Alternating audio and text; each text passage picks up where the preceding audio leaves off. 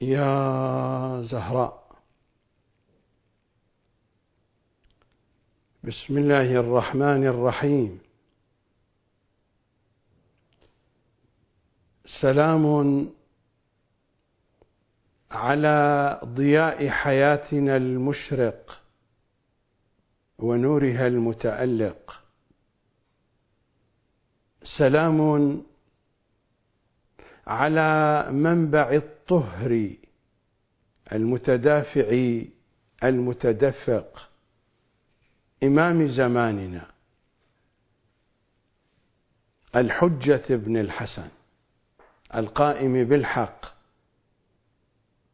سلام على شيعته ومنتظريه سلام عليكم. ما بين واقعين واقع الدنيا وواقع الدين. إنه حديث سمر بين المحبين وزبدة قول للمنتظرين الحلقة الخامسة. اعلموا أنما الحياة الدنيا لعب ولهو وزينة وتفاخر بينكم وتكاثر في الأموال والأولاد كمثل غيث أعجب الكفار نباته كمثل غيث أعجب الكفار نباته ثم يهيج فتراه مصفرا ثم يكون حطاما وفي الآخرة عذاب شديد ومغفرة من الله ورضوان وما الحياة الدنيا إلا متاع الغرور العباسيون القدماء والجدد. هذا هو عنوان حلقتنا وهذا هو الجزء الأول من هذا العنوان.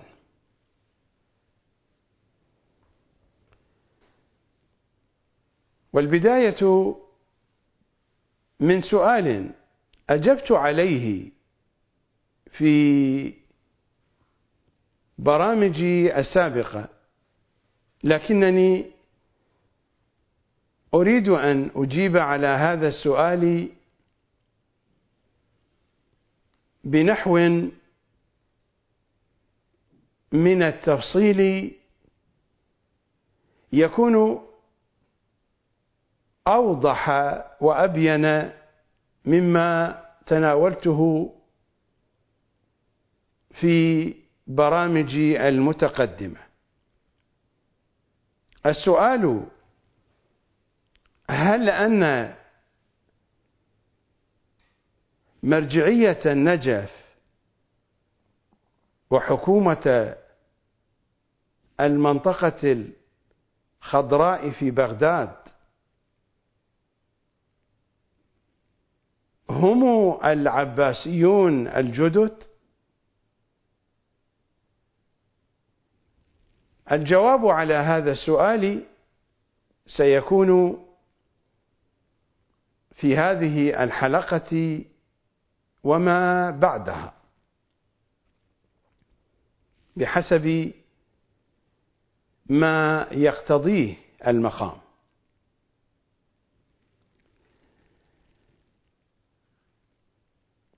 ابتداء لا بد أن أشير إلى نقاط مهمة ترتبط بهذا الجواب.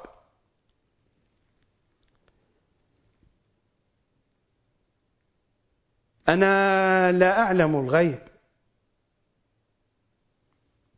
وحينما أقول لا أعلم الغيب فإنني أتحدث عن جانب الغيب الذي يرتبط بوقائع الأيام وحقائق ما يجري فيها من الأمور. الغيب مراتبه ومنازله لا تعد ولا تحصى. نحن لا نعلم الغيب بل لا نقترب من فنائه. أنا لا أتحدث عن الغيوب الإلهية والغيوب المحمدية العلوية. أنا أتحدث عن الوقائع التي تجري على الأرض في عالمنا الترابي. ماذا سيكون في الأسبوع القادم؟ ماذا سيجري في صبيحة يوم غد؟ في الحقيقة هذا ما هو بغيب إذا أردنا أن نقيسه إلى حقائق غيب الغيوب. لكنه غيب بالنسبة لي ولكم. فكل ما يغيب عن إدراكنا وكل ما يغيب عن عقولنا هو غيب بالنسبة لنا. الأحداث التي تجري مثلا الآن في البرازيل في هذه اللحظة. بل الأحداث التي تجري في بيتي الآن وأنا أحدثكم بنحو مباشر من استوديو قناة القمر. ما يجري في بيتي الآن هو بالنسبة لي غيب. فأنا أتحدث هنا عن الغيب بهذا المعنى. أما غيب الغيوب فذلك شأن لا علاقة لنا به لا من قريب ولا من بعيد. نحن غاطسون في جهلنا وغاطسون في نقصنا. هذا هو واقع الآدميين الذين يعيشون على تراب الأرض.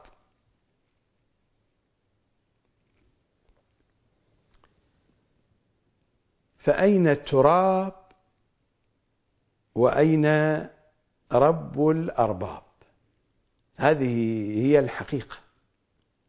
على أي حال أنا لا أعلم الغيب بالمعنى الذي أشرت إليه. لا أعلم الغيب في حده المطلق ولا في حده المقيد. ما هو الفارق بين الغيب في حده المطلق والغيب في حده المقيد. غيب الأحداث المطلق يعلمه المعصوم وهو الذي يدبره ويدير أمره. ما يقع في دائرة البداء. وما لا يقع في دائرة البداء.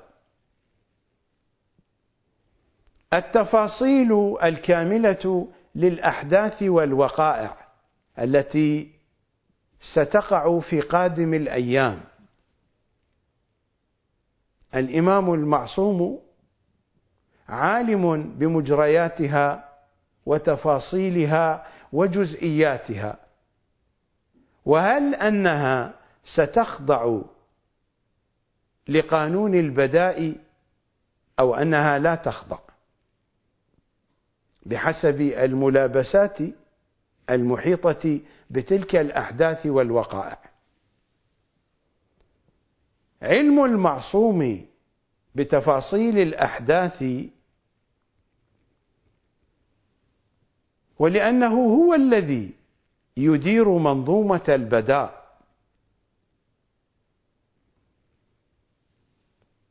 وقانون البداء خاضع لولايته مثلما نقرأ في الزيارة الجامعة الكبيرة وذل كل شيء لكم وقانون البداء شيء ذليل في دائرة ولاية المعصوم صلوات الله عليه. هذا هو علم الغيب المطلق فيما يرتبط بالأحداث والوقائع. قلت لكم وأذكركم أنا لا أتحدث عن غيب الغيوب عن حقائق الغيب العميقة.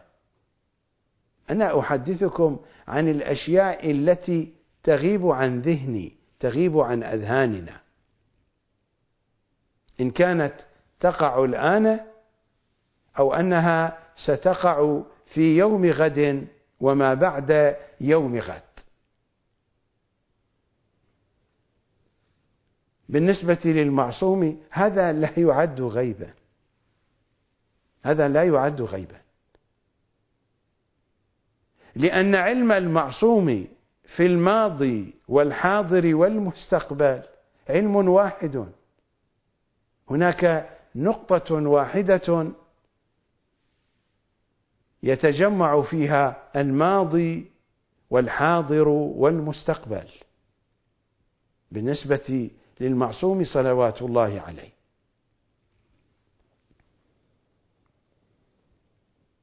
أنا لا أريد أن أحدثكم عن علم المعصوم هنا لكنني أضطر لتوضيح بعض المطالب لأجل أن تعرفوا مقصدي من الحديث.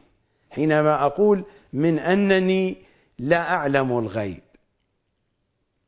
كما أنتم لا تعلمون الغيب. نحن لا نعلم الغيب. فحينما نتحدث في موضوع كالموضوع الذي أريد أن أحدثكم عنه فإنني لا أتحدث عن الغيب. الغيب المقيد. ما تطلع عليه الملائكة في عملها وتدبيرها لشؤون هذا العالم خصوصا ما يرتبط بحياة الناس والحيوانات على وجه الأرض. أو بحياة دواب السماوات في الأفلاك والأبراج والكواكب الأخرى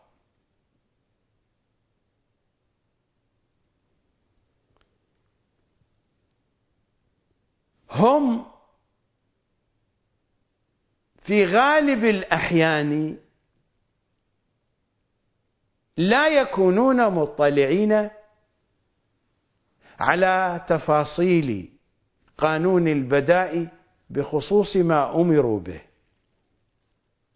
يؤمرون بشيء ولكن بعد ذلك يمنعون من تنفيذه. لماذا؟ لأن البداء قد فعل في هذه الواقعة. هناك من الملائكة من يكونون على علم بتطبيقات قانون البداء في بعض الوقائع والأحداث. الملائكة مراتب. الملائكة الذين هم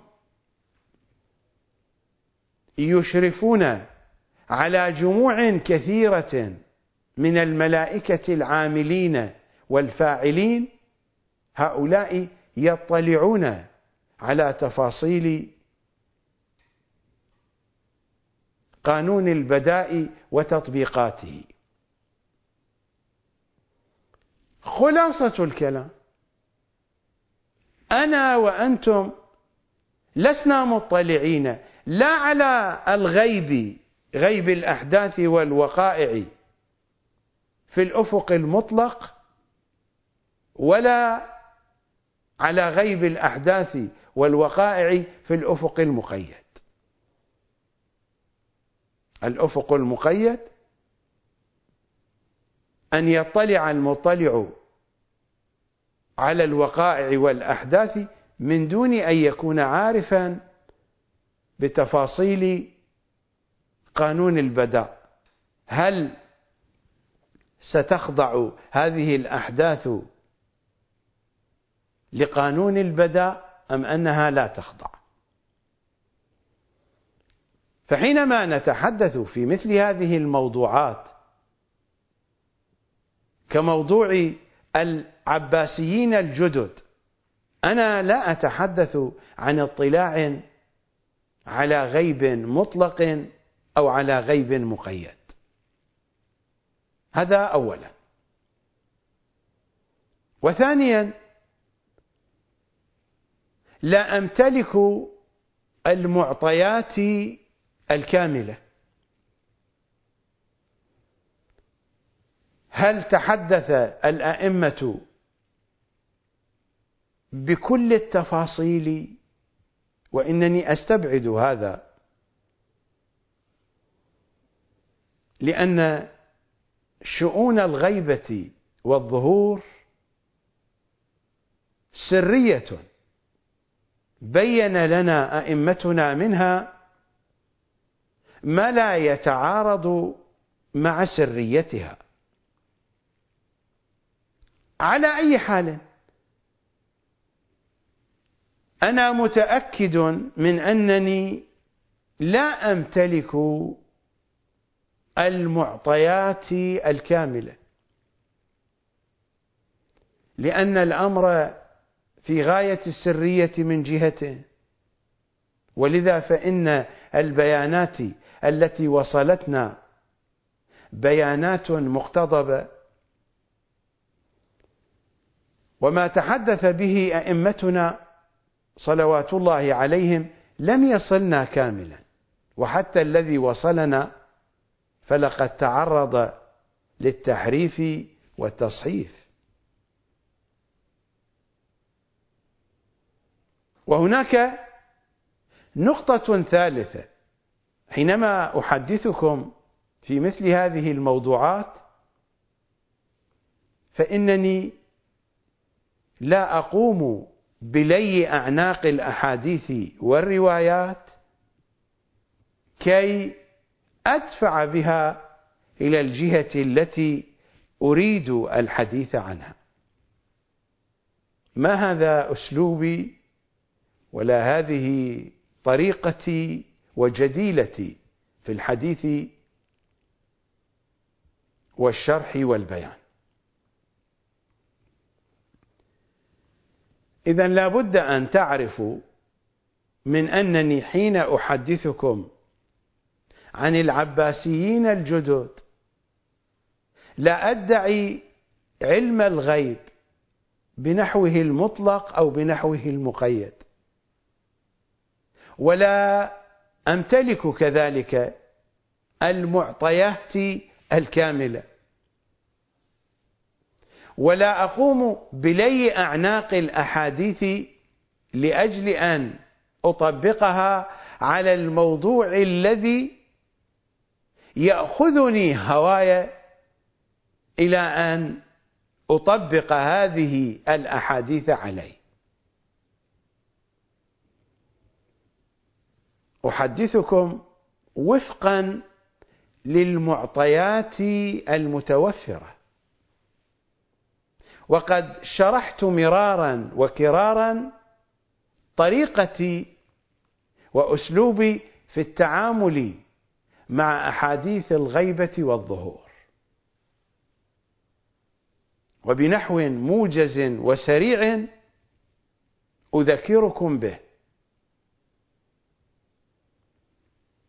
لا أعتمد إلا على أحاديثنا التي وردت في كتبنا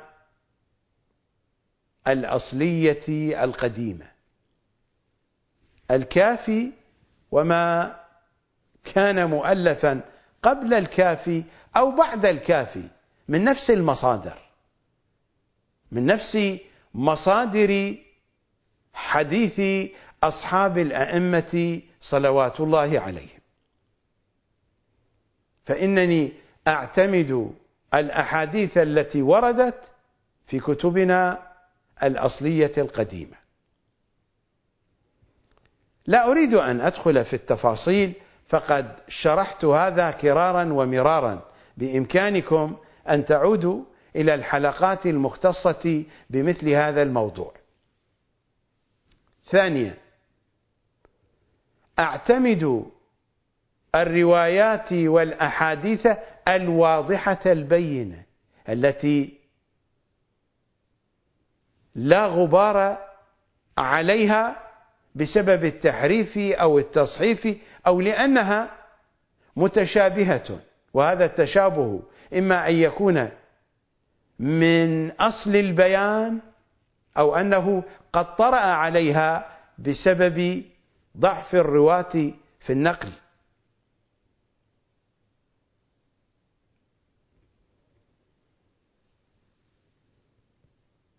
وهناك تفاصيل أخرى لا أريد أن أتناولها في هذه الحلقة لأن الحلقة ليست معدة لذكر هذه التفاصيل. لذا فإنني حين أحدثكم عن العباسيين الجدد وفقا للمعطيات المتوفرة وبحسب الأسلوب والمنهج الذي أعتمده في التعامل مع أحاديث الغيبة والظهور وقد أشرت إليه الآن إجمالا وفصلته فيما سبق من برامج المبثوثة على الشبكة العنكبوتية والتي يعاد بثها أيضا على هذه الشاشة.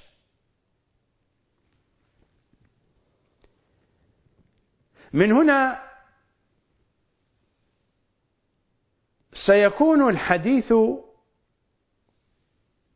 في دائرة النصوص من جهة وفي دائرة الواقع من جهة أخرى. سأحدثكم في اتجاهين. الاتجاه الأول في أحاديث أهل البيت صلوات الله عليهم. والاتجاه الثاني في الواقع التأريخي وفي الواقع المعاصر. ما بين العباسيين القدماء والعباسيين الجدد. قطعا. مثل هذه المطالب تحتاج إلى أكثر من حلقة. ولذا قلت لكم هذه الحلقة هي الجزء الأول من حديثي الذي عنونته العباسيون القدماء والجدد. نذهب إلى فاصل. كل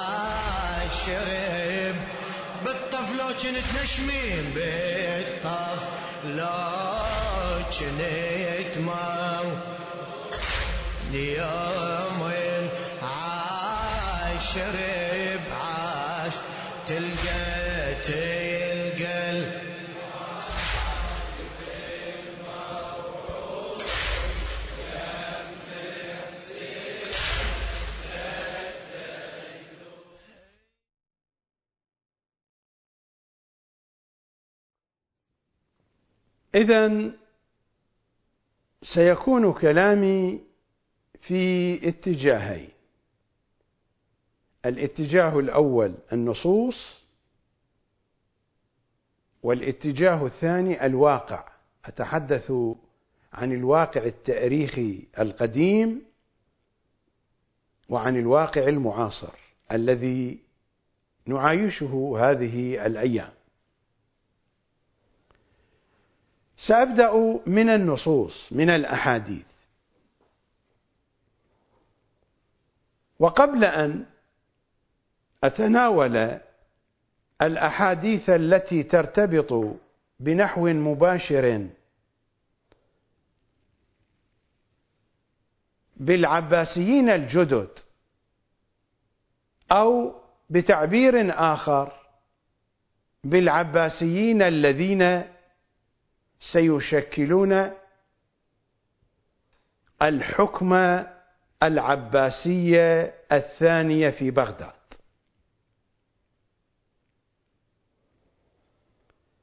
لماذا الاهتمام بهذه الأحاديث؟ بأحاديث الغيبة بأحاديث العلامات بأحاديث العباسيين الجدد. لماذا الاهتمام بهذه الأحاديث؟ هناك بسبب الجهل من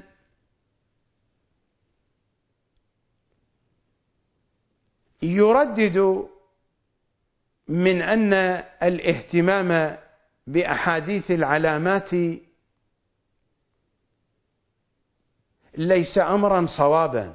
لا أريد أن أرد على هؤلاء الجهال والحمقى والسفهاء الذين يتصورون أنفسهم أنهم على ثقافة أو فهم أو وعي. أحاديث أهل البيت دالة على نفسها بنفسها. أحاديث أهل البيت هي التي تخبرنا من أن حديثهم حياة للقلوب. فأحاديث الغيبة والظهور كثيرة وكثيرة جدا. لو لم تكن أساسا لحياة القلوب لما فاضت من شفاههم الطاهرة.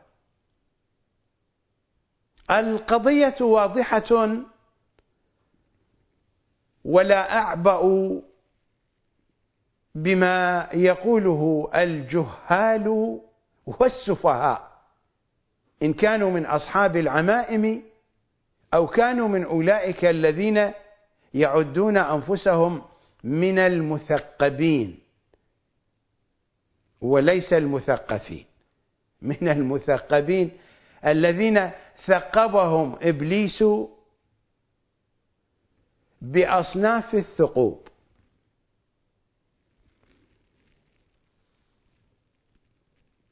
اهتمامنا بهذه الأحاديث لأنها ترتبط بشؤون إمام زماننا. صلوات الله وسلامه عليه إمام زماننا الذي هو ديننا. إمام زماننا الذي هو عقيدتنا. أحاديث الغيبة والظهور ترتبط بشؤون إمام زماننا. وجزء من معرفة إمام زماننا أن نعرف شؤونه. من لم يعرف إمام زمانه مات ميتة جاهلية. هناك معرفة الإمام بما هو هو بحدود عقولنا ومداركنا.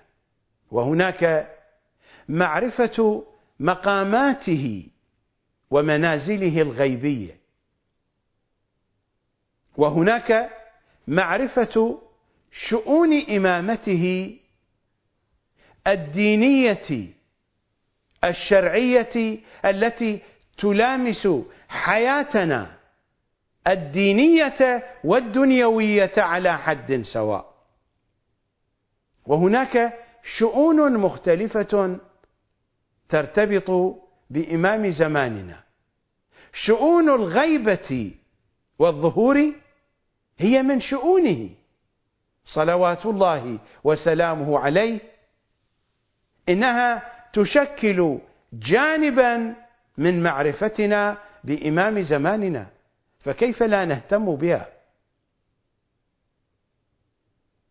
اهتمامنا بأحاديث الغيبة والظهور اهتمام بشؤون إمام زماننا واهتمامنا بشؤون إمام زماننا أمر واجب لأنه يشكل جانبا من معرفتنا بإمام زماننا.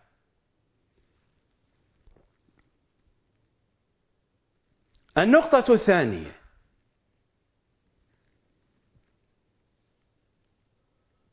أحاديث الغيبة والظهور. هي معطيات هي معطيات ترتبط بواقعنا. وبالواقع من حولنا.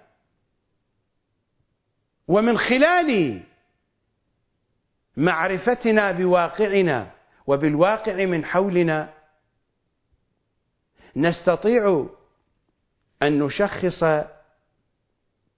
تكليفنا الشرعي ونستطيع أن نشخص موقفنا العقائدي. على سبيل المثال أقرأ عليكم ما جاء في غيبة النعماني. طبعة أنوار الهدى الطبعة الأولى قم المقدسة في الصفحة الحادية والستين بعد المئة الحديث الثالث. بسنده عن محمد بن منصور الصيقل عن أبيه منصور. قال قال أبو عبد الله الصادق صلوات الله عليه. إذا أصبحت وأمسيت الخطاب لي ولكم للشيعة. إذا أصبحت وأمسيت يوما لا ترى فيه إماما من آل محمد لا ترى بعينك بحسها الباصري. إمام زماننا شاهد ومشهود وشهيد. لكنه غائب عن أبصارنا وفي الحقيقة أبصارنا هي التي غائبة عنه فهو مطلع على أبصارنا ولحظات عيوننا. وما يجري في دواخل صدورنا.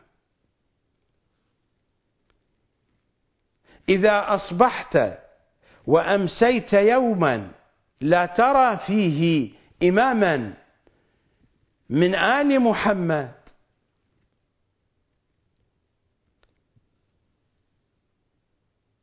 فاحبب من كنت تحب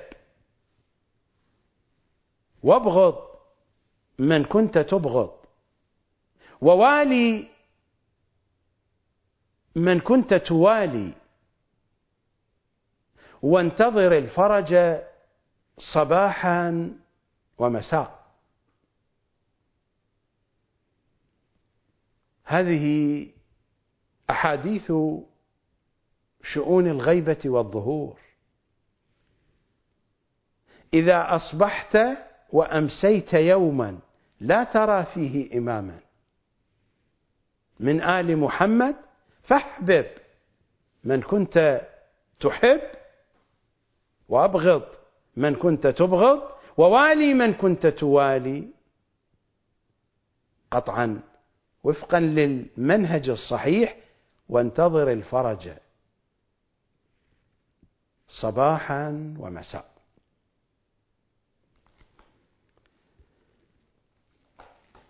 أقرأ عليكم ما جاء في الجزء الثامن من الكافي الشريف. طبعة دار التعارف بيروت لبنان في الصفحة الخامسة والثمانين بعد المئة. إنه الحديث الثاني والتسعون بعد المئتين. بسنده بسند الكليني عن إسماعيل البصري. قال سمعت أبا عبد الله الصادق صلوات الله عليه يقول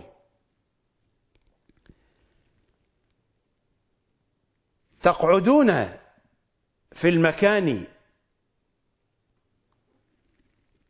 فتحدثون وتقولون ما شئتم وتتبرؤون ممن شئتم وتولون من شئتم قلت نعم. قال وهل العيش إلا هكذا؟ هذا هو التيار الفكري المجتمعي الذي حدثتكم عنه في الحلقات المتقدمة.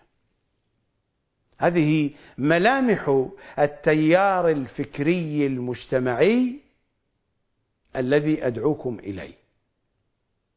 إنني أخاطب الذين يعيش بين جوانحهم وفي صدورهم همهم العقائدي المهدوي. أخاطب هؤلاء من أبنائي وبناتي وأخواني وأخواتي من أشياع الحجة بن الحسن. في أي موقع في الأرض في أي مكان يصل صوتي هذا إليهم في هذه اللحظة أو بعد هذه اللحظة. إسماعيل البصري يحدثنا عن إمامنا الصادق صلوات الله عليه الإمام يسأله تقعدون في المكان فتحدثون وتقولون ما شئتم وتتبرؤون ممن شئتم وتولون من شئتم. قلت نعم. قال وهل العيش إلا هكذا؟ إمامنا يريد منا أن نعيش هكذا. وهذا هو الذي دعوتكم إليه.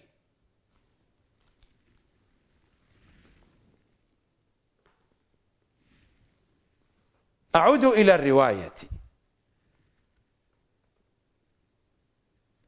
إذا أصبحت وأمسيت يوما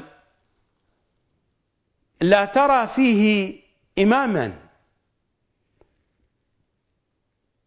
من آل محمد فاحبب من كنت تحب بحسب ما مر الكلام في رواية الكافي. فاحبب من كنت تحب. وأبغض من كنت تبغض ووالي من كنت توالي وانتظر الفرج صباحا ومساء. انتظار الفرج بهذه الطريقة هذا يعني أنك تواصل العمل. وانتظر الفرج صباحا ومساء. ما قال الإمام؟ وانتظر. قال وانتظر الفرج صباحا ومساء. هناك حماس هناك همة هناك انتظار متواصل هناك عمل هناك جدية في هذه الحياة. وانتظر الفرج صباحا ومساء. هذه الروايات والأحاديث هي التي تشخص لنا تكليفنا الشرعي. وتعيننا على تشخيص موقفنا العقائدي.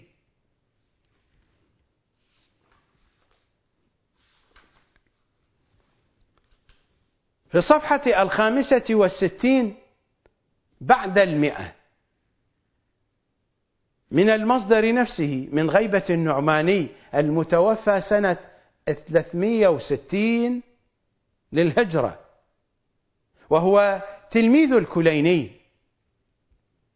صاحب الكافي وكان كاتبا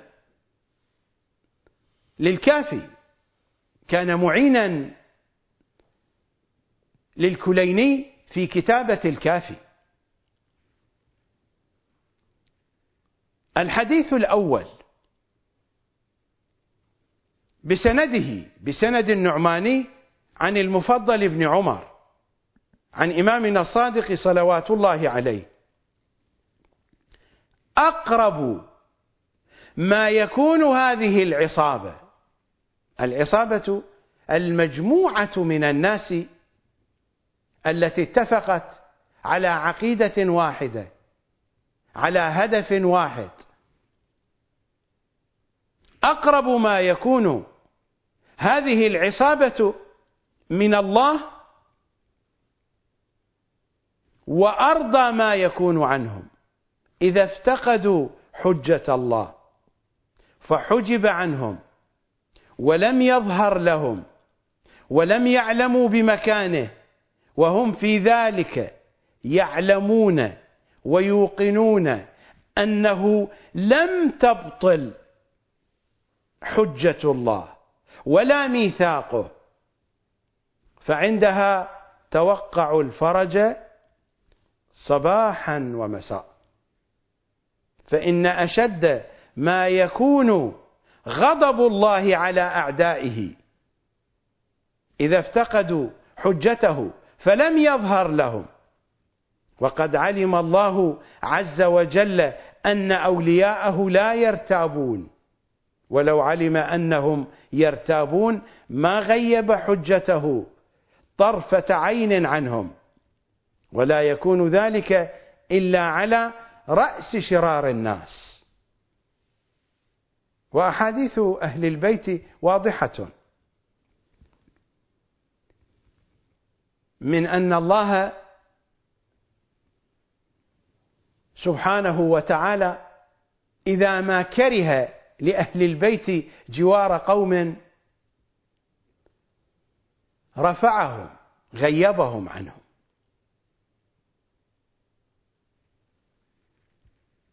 أقرأ الرواية مرة أخرى عليكم. هذه أحاديث الغيبة والظهور هي التي تخبرنا بتكليفنا الشرعي وتشخص لنا موقفنا العقائدي. فكيف لا نهتم بها؟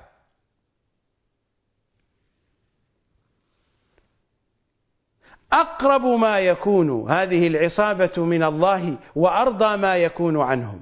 إذا افتقدوا حجة الله فحجب عنهم ولم يظهر لهم ولم يعلموا بمكانه وهم في ذلك يعلمون ويوقنون أنه لم تبطل حجة الله ولا ميثاقه فعندها توقعوا الفرج صباحا ومساء فإن أشد ما يكون غضب الله على أعدائه إذا افتقدوا حجته فلم يظهر لهم.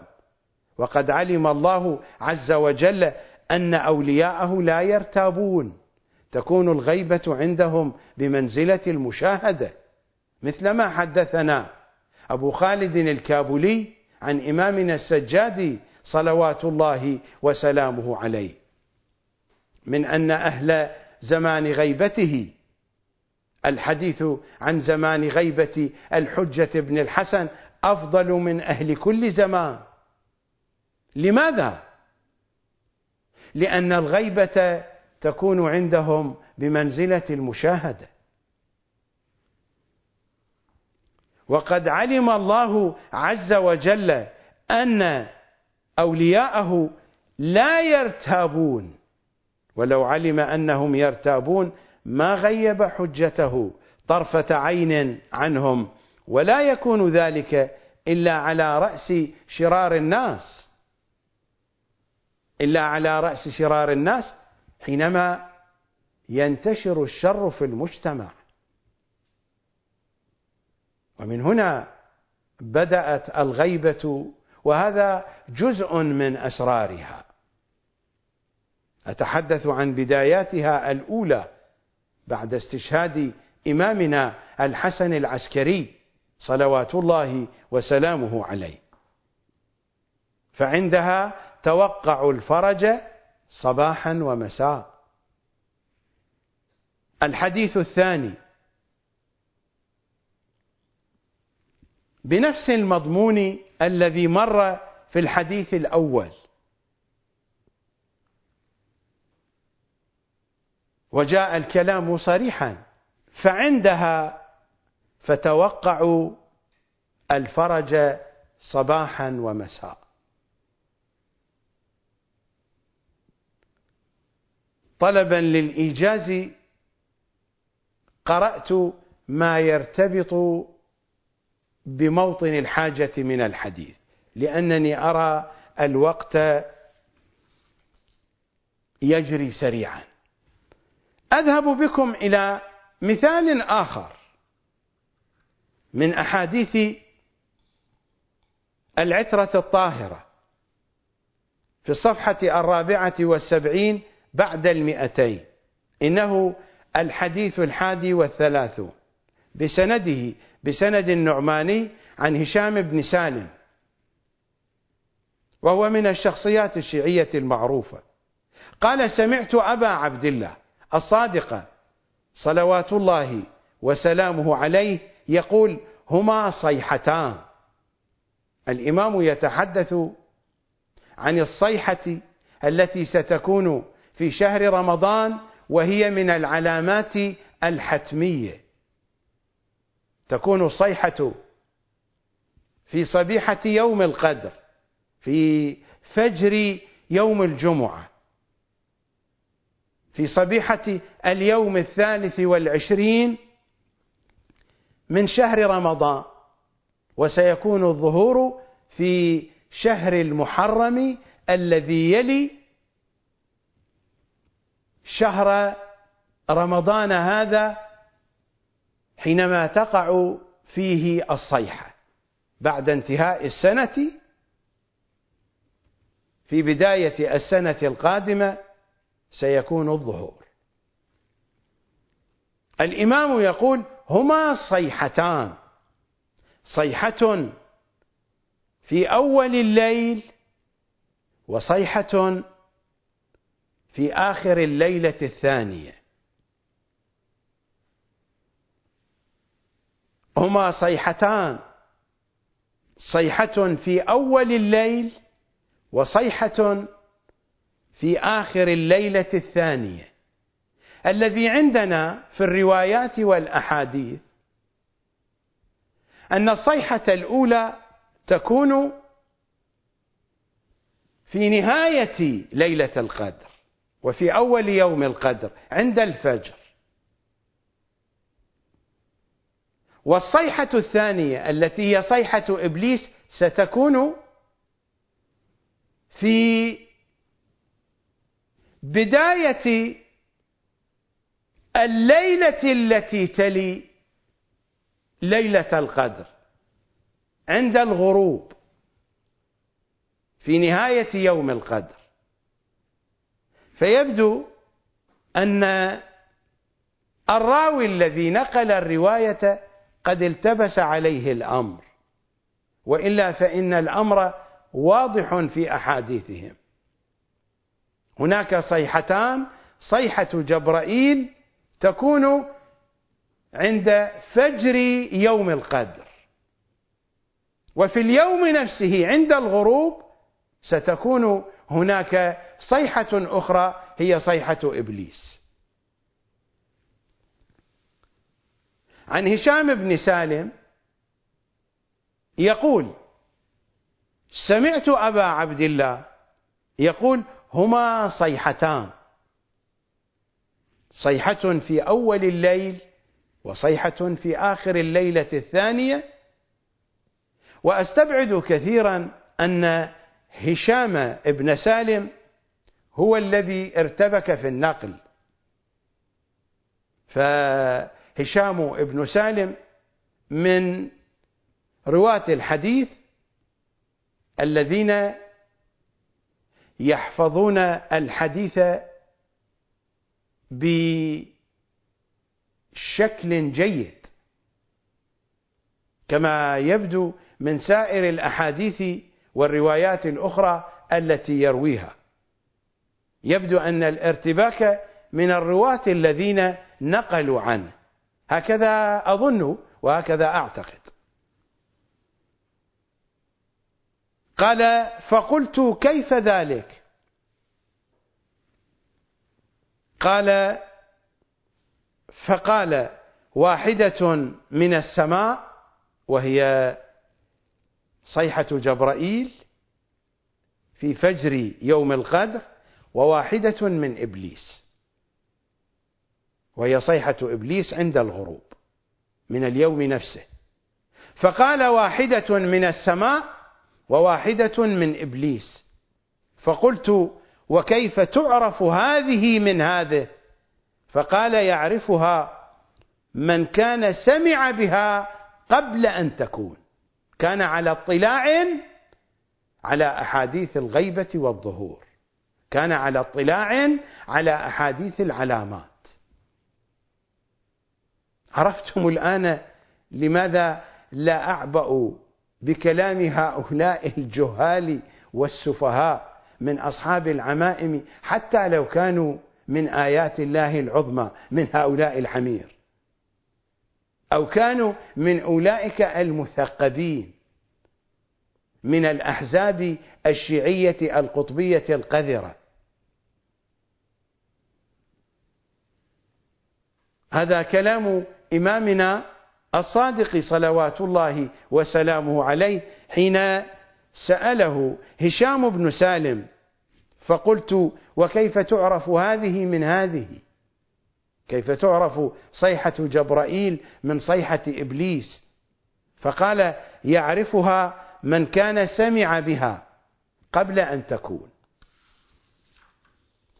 حديث آخر في الصفحة الثانية والسبعين بعد المئتين.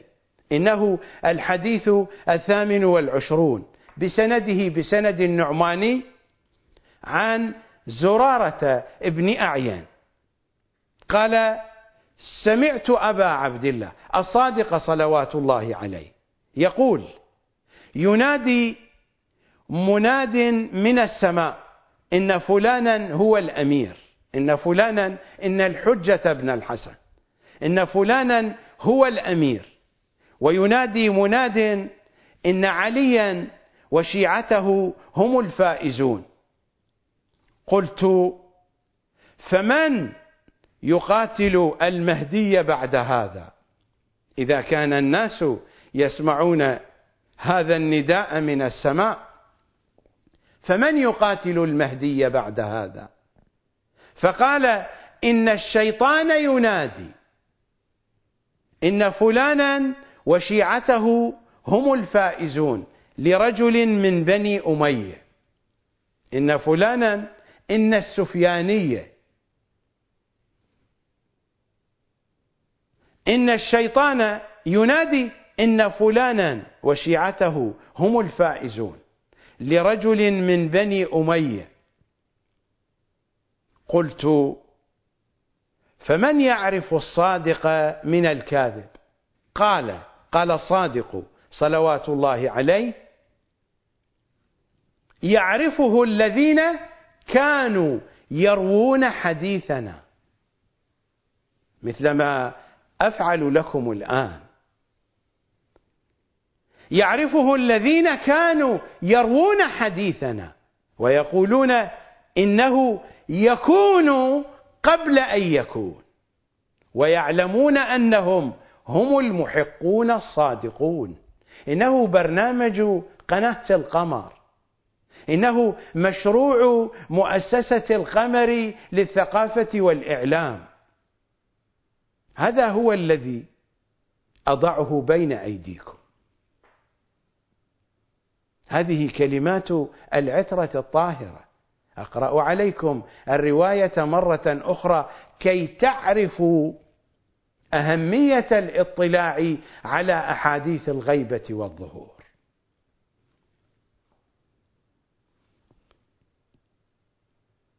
زرارة يقول سمعت الصادق صلوات الله وسلامه عليه يقول ينادي مناد من السماء إن فلانا هو الأمير وينادي مناد إن عليا وشيعته هم الفائزون.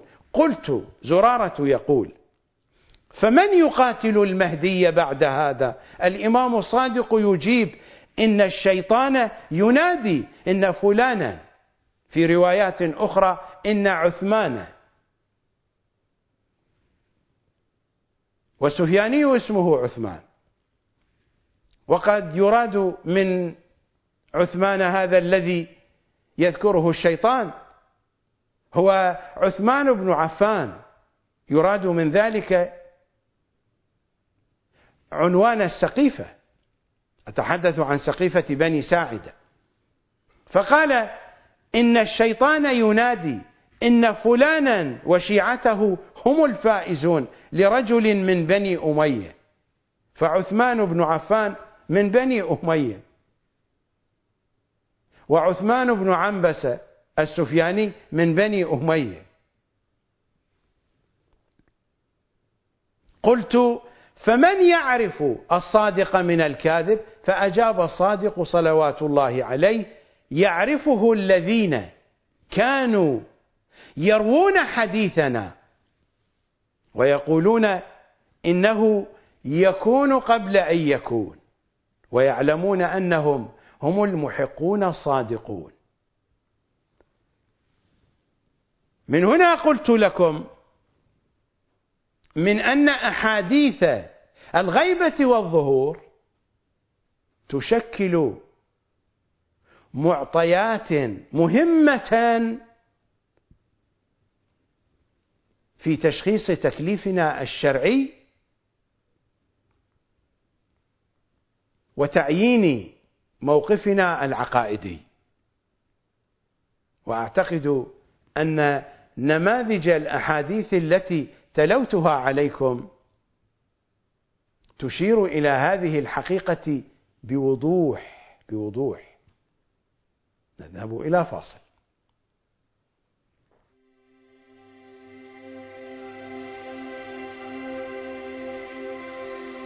من حديث طويل. رواه أبو بصير عن إمامنا أبي جعفر الباقر صلوات الله وسلامه عليه. جاء فيه خروج السفياني واليماني والخراساني في سنة واحدة وفي شهر واحد في يوم واحد. ونظام كنظام الخرس يتبع بعضه بعضا. فيكون البأس من كل وجه. ويل لمن ناواه. وليس في الرايات أهدى من راية اليماني. هي راية هدى. لأنه يدعو إلى صاحبكم. فإذا خرج اليماني حرم بيع السلاح على الناس وكل مسلم. وإذا خرج اليماني فانهض إليه. فإن رايته راية هدى. ولا يحل لمسلم أن يلتوي عليه. فمن فعل فهو من أهل النار. لأنه يدعو إلى الحق. وإلى طريق مستقيم.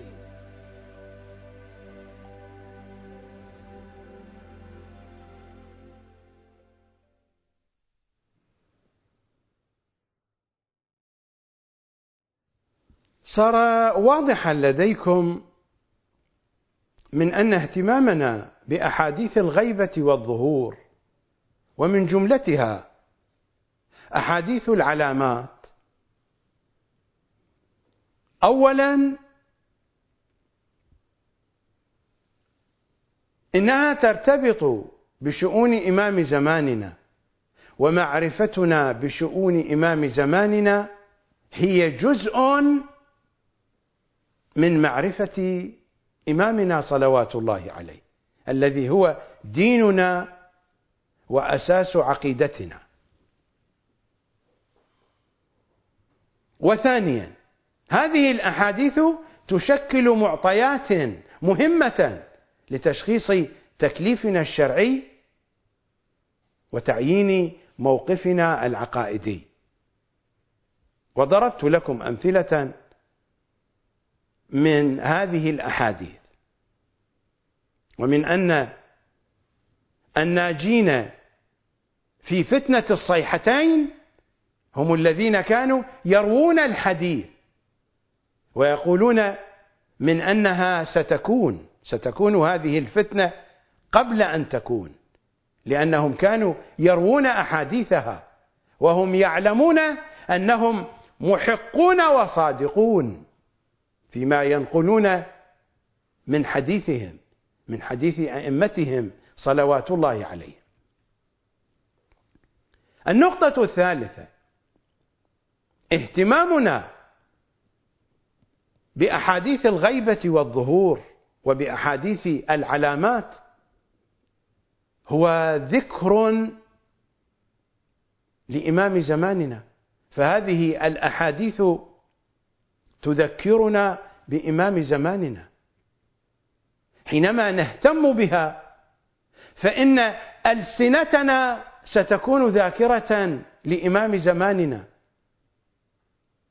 وقلوبنا ستكون ذاكرة ومهتمة بشؤون إمام زماننا. وذكر إمامنا هو ذكر الله. من ذكره فقد ذكر الله. ذكرهم الذكر الأكبر في الكتاب الكريم. هكذا عبر القرآن عن ذكرهم من أنهم الذكر الأكبر. مثل ما جاء في تفسيرهم لقرآنهم صلوات الله عليهم في رواياتهم وأحاديثهم التفسيرية. من أن الذكر الأكبر في القرآن هو ذكرهم هم صلوات الله عليهم. فاهتمامنا بأحاديث الغيبة والظهور هو ذكر لإمام زماننا.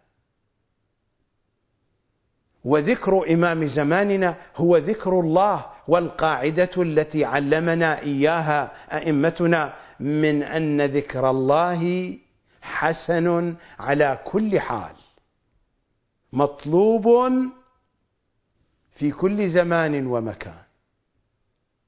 ومن هنا فإن مداومة ذكر أحاديث الغيبة والظهور داخل في هذه القاعدة.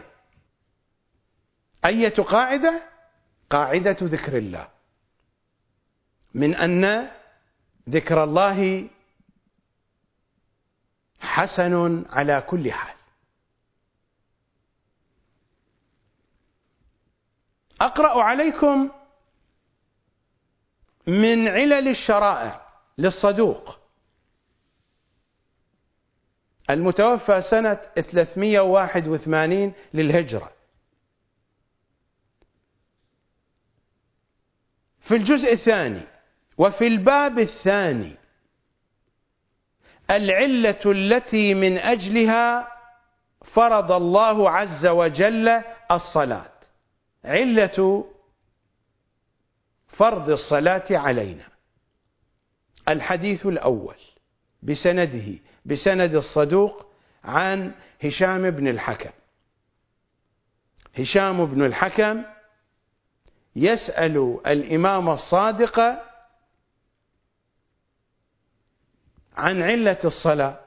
هكذا يقول سألت أبا عبد الله الصادقة صلوات الله عليه عن علة الصلاة فإن فيها مشغلة للناس عن حوائجهم.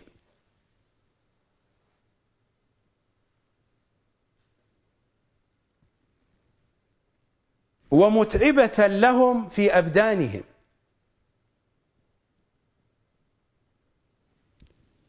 إلى أن يقول إمامنا الصادق صلوات الله وسلامه عليه وأراد الله تبارك وتعالى ألا ينسيهم. أمر محمد صلى الله عليه وآله ففرض عليهم الصلاة يذكرونه في كل يوم خمس مرات ينادون باسمه وتعبدوا بالصلاة وذكر الله لكي لا يغفلوا عنه يغفلوا عن محمد وينسوه فيندرس ذكره. ذكر الله لا يندرس لكن ذكر محمد بسبب الناس وبسبب السياسة وبسبب الكفر والضلال يمكن أن يندرس. وأراد الله تبارك وتعالى أن لا ينسيهم أمر محمد صلى الله عليه وآله ففرض عليهم الصلاة يذكرونه في كل يوم خمس مرات ينادون باسمه وتعبدوا بالصلاة وذكر الله لكي لا يغفلوا عنه يغفلوا عن ذكر محمد. لكي لا يغفلوا عنه وينسوه فيندرس ذكره. الصلاة الواجبة شرعت لأجل أن نذكر محمدا وآل محمد. في زمان إمامة كل إمام فإن علة تشريع الصلاة لأجل أن نذكر إمامنا لأجل أن تذكر الشيعة إمامها في أوقات الصلاة. في زماننا هذا حينما نصلي فإن الحكمة من صلاتنا أن نذكر إمام زماننا فهو الوجه الذي إليه نتوجه أين وجه الله الذي إليه يتوجه الأولياء.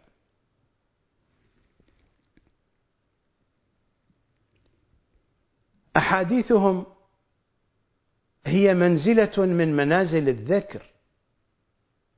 إننا نديم ذكر أحاديث الغيبة والظهور لأجل أن نديم ذكر إمام زماننا. لماذا الشيعة عبر القرون وإلى يومنا هذا لا يحيطون علما بالثقافة المهدوية الأصيلة. لماذا؟ لأن الحوزة الطوسية الضالة القذرة قد غيبت الإمام عن شيعته وغيبت الشيعة عن إمامها. لماذا؟ لأنهم وقفوا قطاع طريق. أتحدث عن المراجع الطوسيين الضالين البتريين. وقفوا قطاع طريق فيما بين الإمام وبين شيعته. هذا هو الواقع الشيعي. فإدامة ذكر الأحاديث المهدوية فيما يرتبط بشخص الإمام وما يرتبط بمقاماته وما يرتبط بشؤون ولايته وما يرتبط بعلاقتنا معه من خلال الزيارات والأدعية والمناجيات وما يرتبط بشؤون غيبته وشؤون ظهوره وما يرتبط بشؤون عالم الرجعة من بعده. فظهوره مقدمة للرجعة العظيمة وما يرتبط بعلامات ظهوره ومجريات ما يجري من الملاحم والفتن زمان الغيبتين. أتحدث عن الغيبة الأولى وعن الغيبة الثانية التي نعيش أيامها الطويلة. كل هذا كل هذا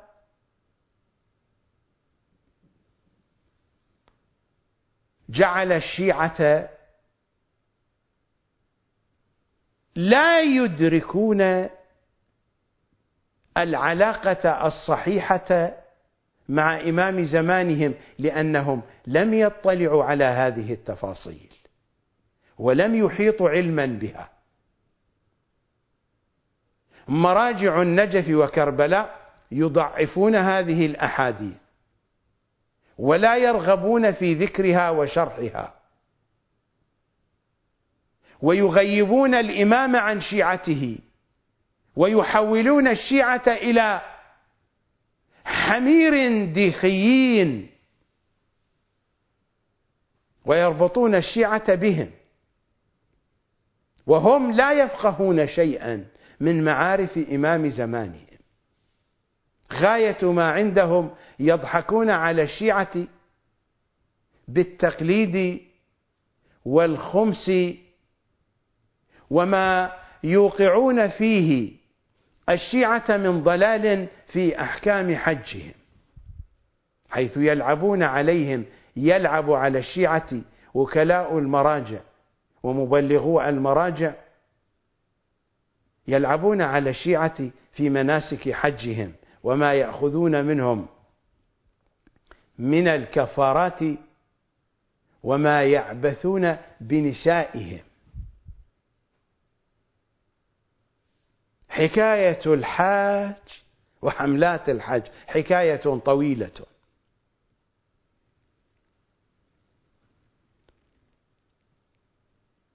فعلة تشريع الصلاة لأجل أن نذكر محمدا وآل محمد.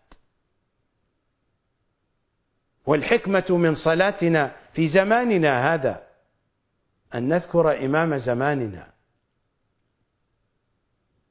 في نفس هذا المسار وفي نفس هذا الاتساق فإن ذكرنا للأحاديث المهدوية على اختلاف شؤونها هو تجديد ذكر لإمام زماننا وهو تطهير لقلوبنا وعقولنا وألسنتنا بذكر إمام زماننا وذكر شؤونه.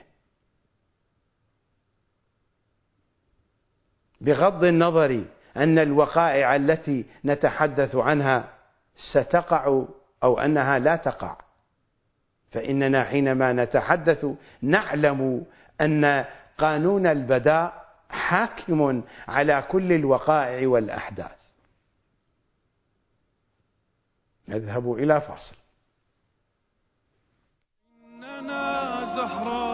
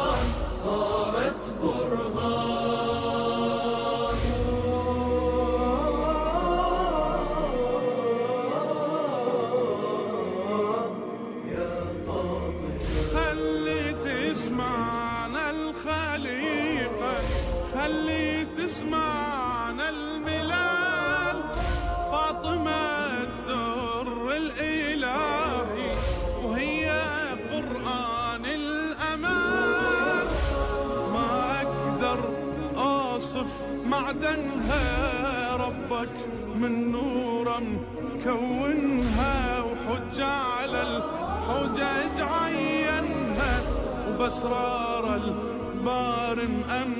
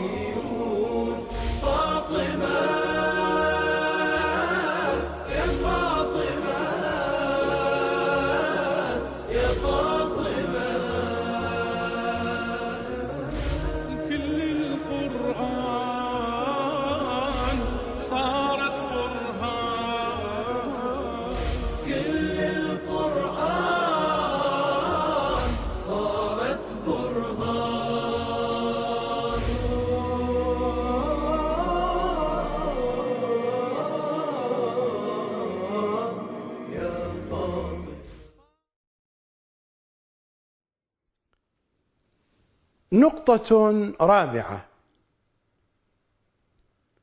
اهتمامنا بأحاديث الغيبة والظهور هو جزء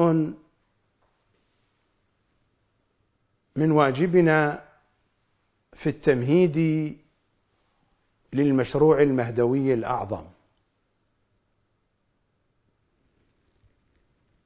أقرأ عليكم من الكافي الشريف هذا هو الجزء الأول والطبعة طبعة دار الأسوة طهران إيران في الصفحة الخمسين إنه الحديث التاسع. بسنده بسند الكليني المتوفى سنة 328 للهجرة. عن معاوية بن عمار قال قلت لأبي عبد الله للصادق صلوات الله عليه رجل راوية لحديثكم.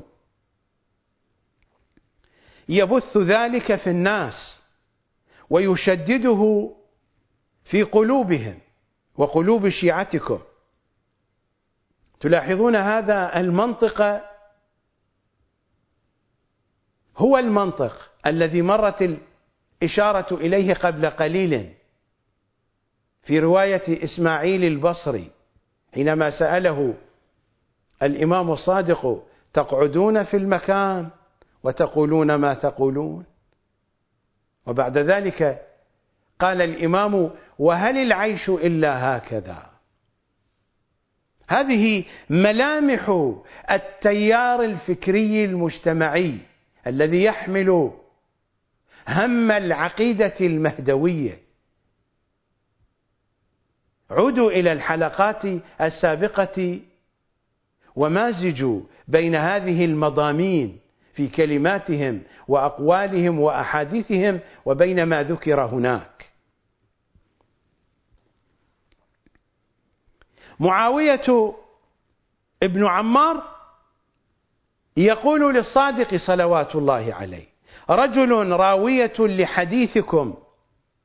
يبث ذلك في الناس ويشدده في قلوبهم وقلوب شيعتكم. ولعل عابدا من شيعتكم. ليست له هذه الرواية. أيهما أفضل؟ قال الراوية لحديثنا يشدد به قلوب شيعتنا أفضل من ألف عابد. وعدد الألف ليس عددا رياضيا هنا. أكثر عدد في لغة العرب هو هذا.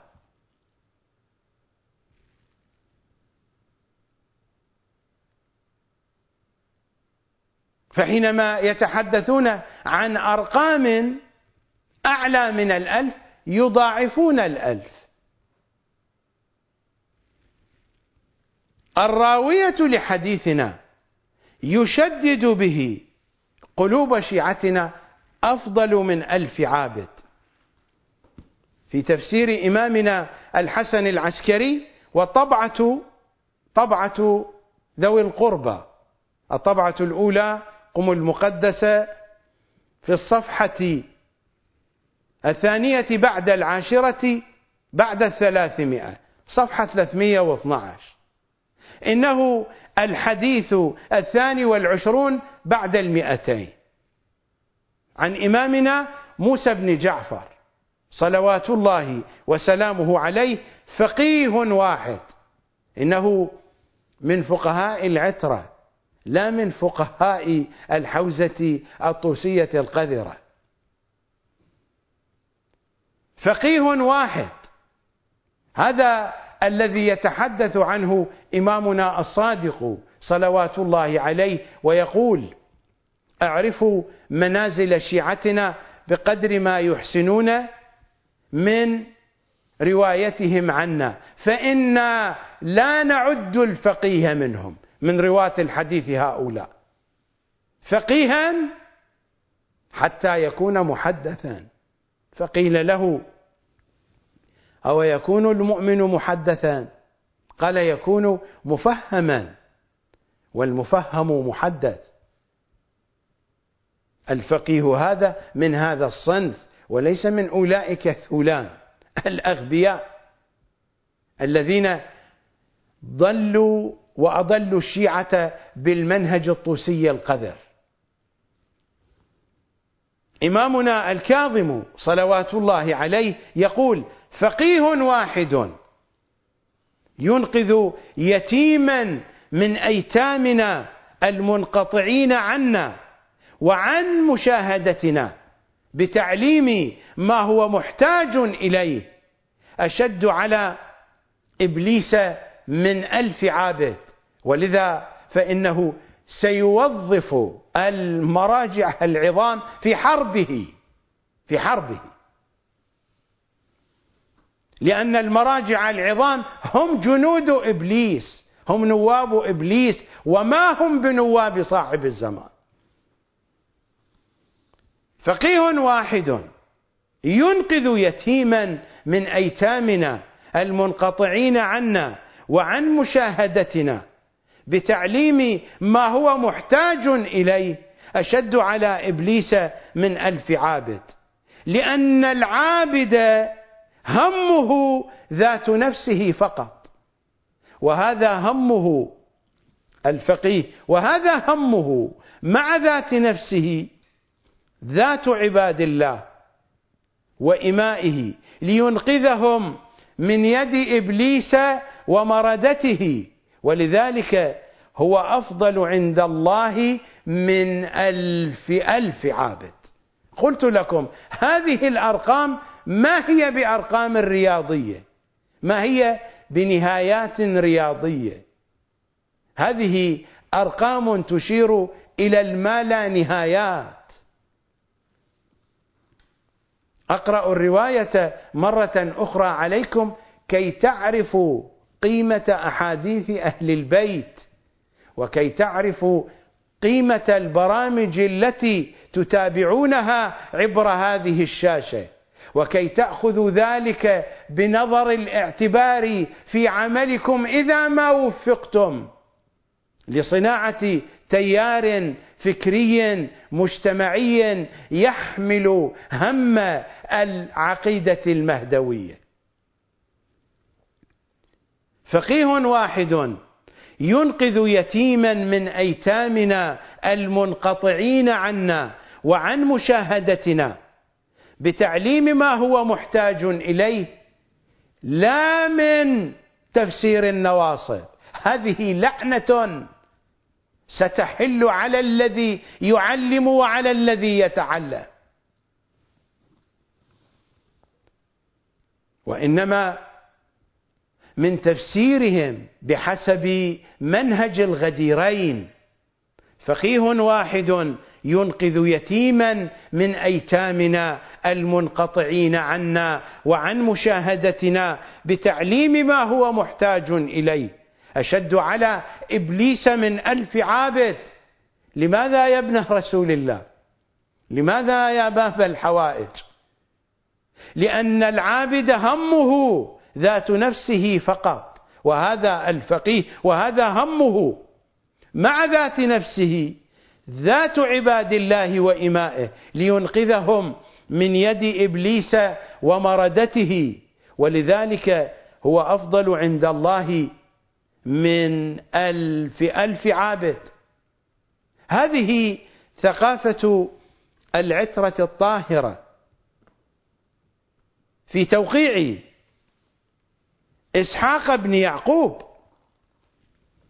أقرأ عليكم من كمال الدين وتمام النعمة للصدوق. وطبعة طبعة مؤسسة النشر الإسلامي قم المقدسة. صفحة 511 وهذا هو المصدر الأصل للتوقيع الشريف. وأما الحوادث الواقعة فارجعوا فيها إلى رواة حديثنا. فإنهم حجتي عليكم وأنا حجة الله عليهم. هذا الخطاب موجه لكل الشيعة. ليس موجها لصنف معين من الشيعة. هذا خطاب موجه لكل الشيعة. إسحاق بن يعقوب من الشيعة فرد من أفراد الشيعة. وجه أسئلة إلى إمام زماننا. وهذه الأسئلة يسألها كل الشيعة. وهذا الجواب لكل الشيعة. وأما الحوادث الواقعة فارجعوا فيها. إلى رواة حديثنا. فإنهم حجتي عليكم. وأنا حجة الله عليهم. الشيعي إذا لم يكن مثقفا بثقافة أهل البيت. ولم يكن على اطلاع ولو بنحو محدود على شيء من حديث أهل البيت كيف يستطيع أن يميز رواة الحديث؟ ما هذا الكلام؟ الناس تتداوله فحينما يقال للناس من أنكم إذا ما أصبتم بالمرض الفلاني فراجعوا الأطباء الفلانيين بهذا الاختصاص.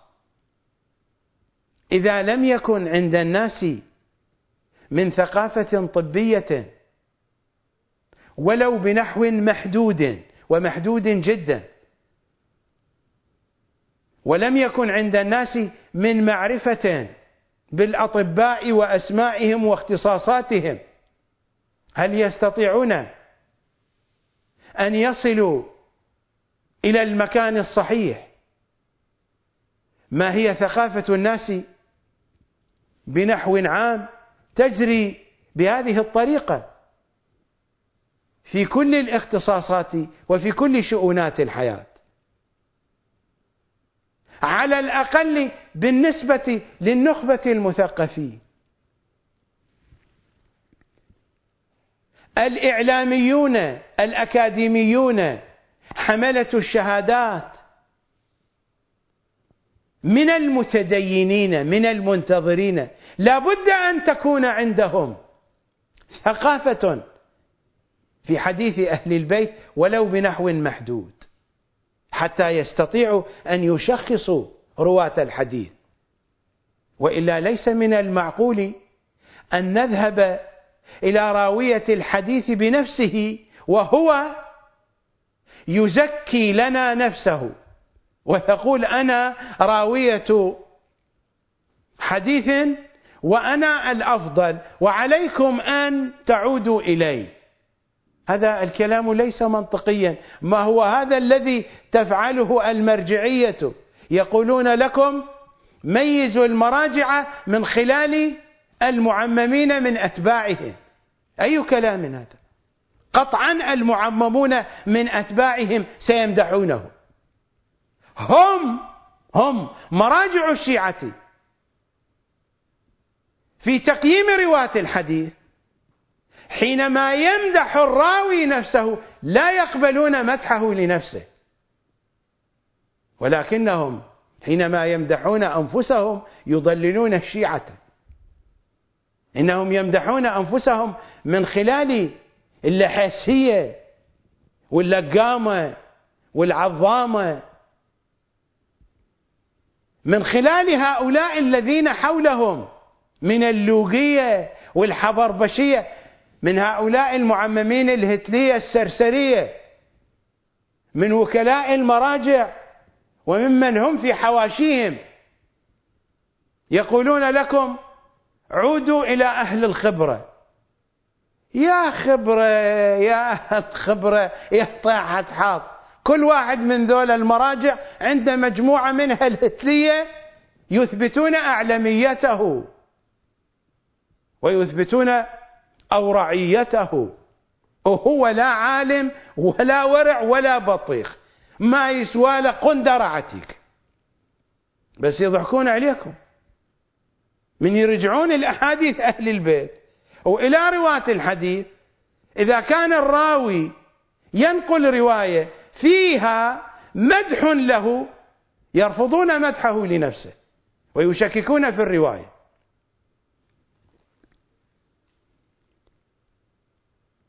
فهذا إلزام على الشيعة. ومن هنا فإن إمامنا الصادق صلوات الله وسلامه عليه. ماذا يقول في كلماته وأحاديثه؟ وأنا أقرأ عليكم من الكاف الشريف. لوددت أن أصحابي ضربت رؤوسهم بالسياط حتى يتفقهوا. لوددت أن أصحابي ضربت رؤوسهم بالسياط حتى يتفقهوا. هذا الكلام لكل الشيعة ليس للمتخصصين. لوددت أن أصحابي ضربت رؤوسهم بالسياط حتى يتفقهوا. المتخصصون هو هذا شغلهم يتفقهون. الإمام لا يتحدث عن زرارة هنا لأن الإمام يقول عن زرارة وأمثاله من أنهم أمناء الله على دينه أمناء الله على حلاله وحرامه. فهؤلاء هم سادة المتفقهين في الشيعة وإنما يتحدث عن جميع الشيعة. فيقول لوددت أن أصحابي ضربت رؤوسهم. الإمام هو الذي يضرب رؤوسنا بالسياط حتى نتفقه. حتى تستطيعوا حينئذ أن تشخصوا رواة الحديث من هو الراوية الحقيقي.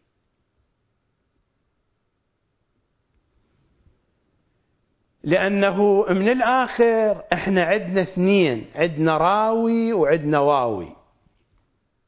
فلازم تتعلمون حتى تميزون الراوي من الواوي. آل محمد يخرجون لكم الرواة الراوي. حوزة الطوسي تخرج لكم الواوية الواوي. فعليكم أن تميزوا بين الراوي والواوي. الواوي هو ابن آوى آكل الدجاج. وهناك علاقة بين المعممين والدجاج كعلاقة بنات آوى مع الدجاج. أنا متأكد أصحاب العمائم لا يعرفون أن ابن آوى تجمع على بنات آوى. وليست على أبناء آوى لأنني أقرأ في كتبهم حينما يتحدثون عن بنات آوى عن جمع ابن آوى يقولون أبناء آوى. ليس في العربية أبناء آوى. ابن آوى في العربية تجمع على بنات آوى. هذا مصداق من جهلهم. من جهل هؤلاء الآيات. وأما الحوادث الواقعة فارجعوا فيها إلى رواة حديثنا. فإنهم حجتي عليكم وأنا حجة الله عليهم. فعليكم أن تمتلكوا شيئا محدودا من الاطلاع على أحاديث الغيبة والظهور. كي تشخصوا موقفكم وكي تعرفوا هؤلاء الذين هم حجة عن الإمام الحجة صلوات الله وسلامه عليه. هل يعرفون إمامه؟ هل يعرفون شؤون إمامهم؟ وإلا كيف يكونون نوابا وحجة عن صاحب الأمر؟ وهم لا يفقهون شيئا في هذا المجال.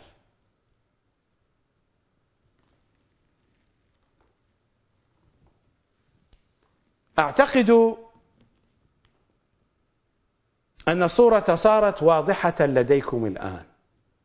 لماذا نهتم بأحاديث الغيبة والظهور لماذا نهتم أساسا بحديث أهل البيت؟ بنحو عام وبأحاديث الغيبة والظهور بنحو خاص. بشكل سريع أولا لأنها ترتبط بشؤون إمام زماننا ومعرفتنا بشؤون إمام زماننا جزء من معرفتنا به. وثانيا لأنها تشكل جانبا من المعطيات المهمة في تشخيص تكليفنا الشرعي وتعيين موقفنا العقائدي. وثالثا هي ذكر لإمام زماننا وذكر إمام زماننا عبادة. ذكره ذكر الله. وذكر الله حسن على كل حال ومطلوب منا في كل زمان ومكان. رابعا كي يستطيع الشيعي أن يميز رواة الحديث ولو بدرجة من الدرجات لا أن يكون جاهلا بالمطلق. ومن هنا فإن هؤلاء السفلة في حوزة الطوسي يضحكون عليكم. يقولون لكم لابد أن تقلدوا الأعلم والأعلم يشخصه أهل الخبرة. فمن هم أهل الخبرة الذين شخصوا أن السيستانية هو الأعلم ليس الآن بعد أن ملأوا جيوبهم بالأموال. إنما أتحدث عن اللحظة التي نصب فيها مرجعا على الشيعة من قبل محمد تقي الخوئي. من هم الذين شهدوا له بالأعلمية في ذلك الوقت؟ لا يوجد ولا شخص واحد.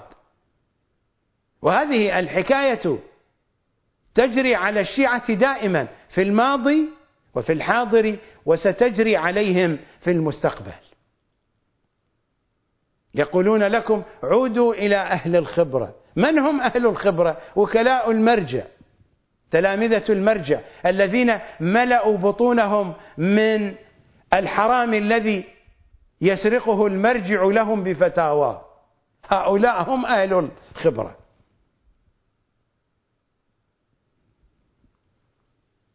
باتت الصورة واضحة وبينة وجلية. نذهب إلى فاصل.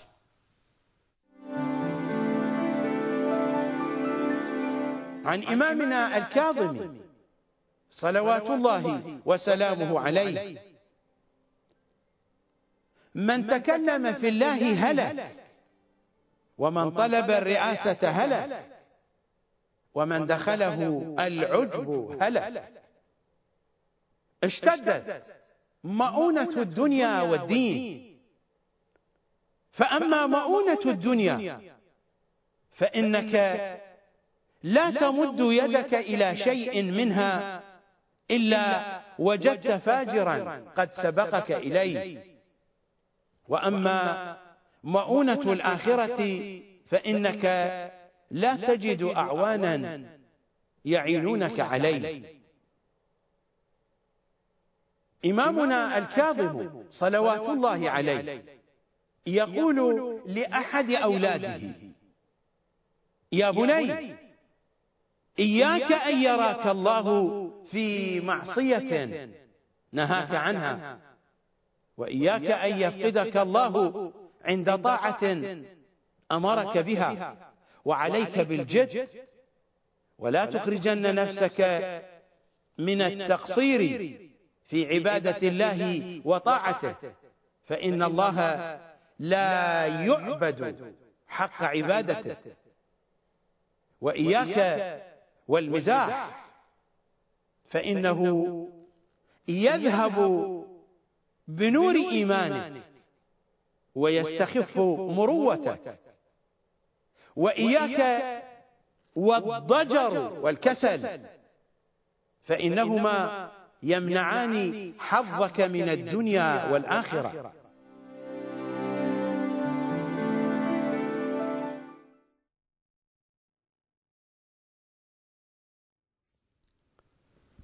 بينت لكم اولا على أي أساس إنني أحدثكم عن العباسيين الجدد. إنني أحدثكم وفقا للمعطيات المتوفرة بحسب النصوص وبحسب الواقع. وسأبدأ بالنصوص.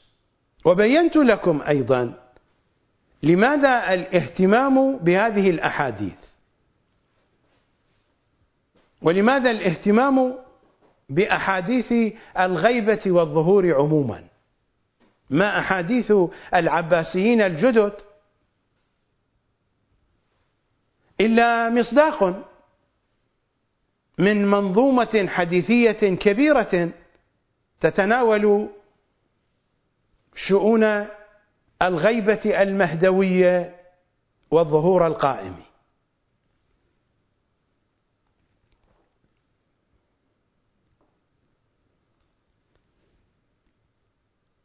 سأبدأ معكم من النصوص.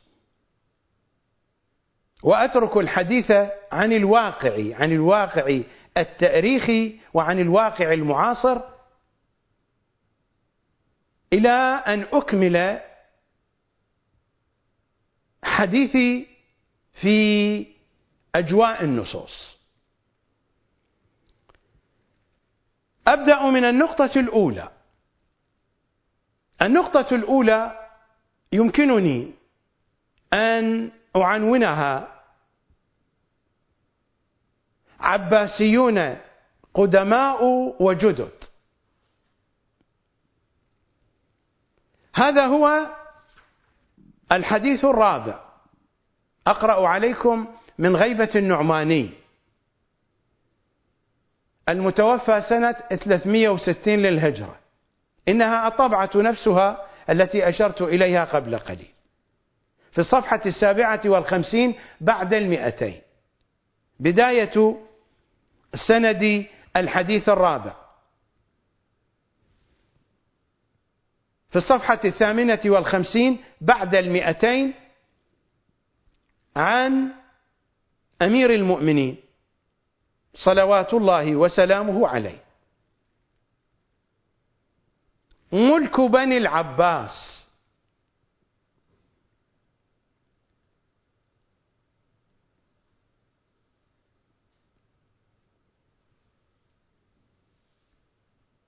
يسر لا عسر.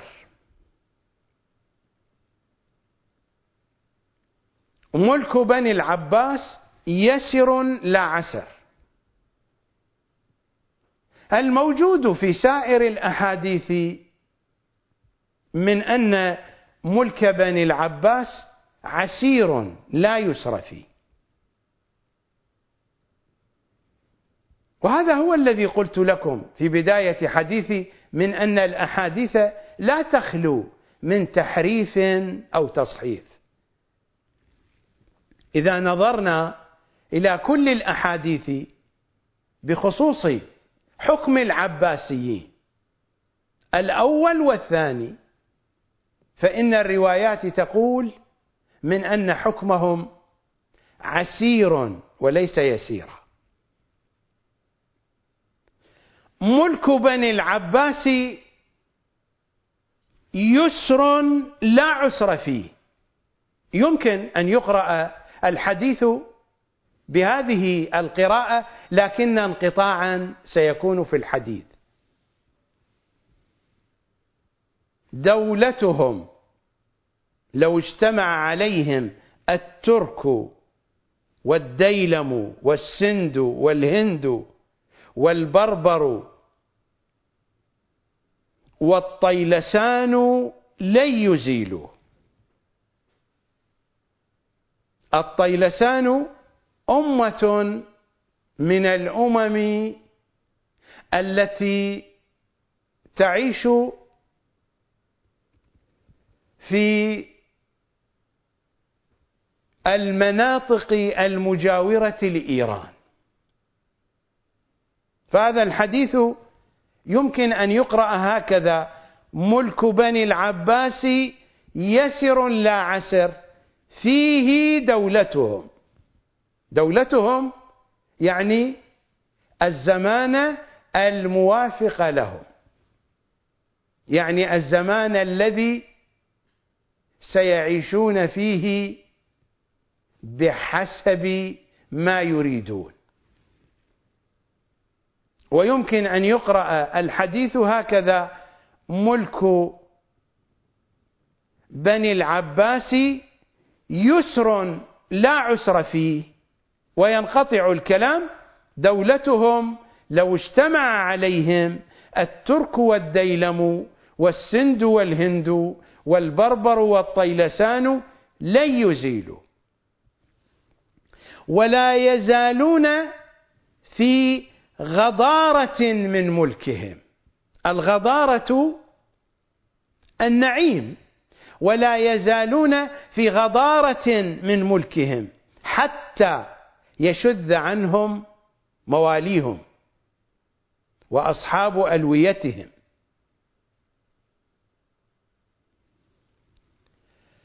حتى يشذ عنهم مواليهم وأصحاب ألويتهم.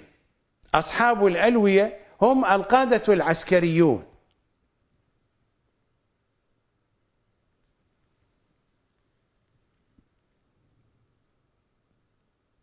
ويسلط الله عليهم علجا.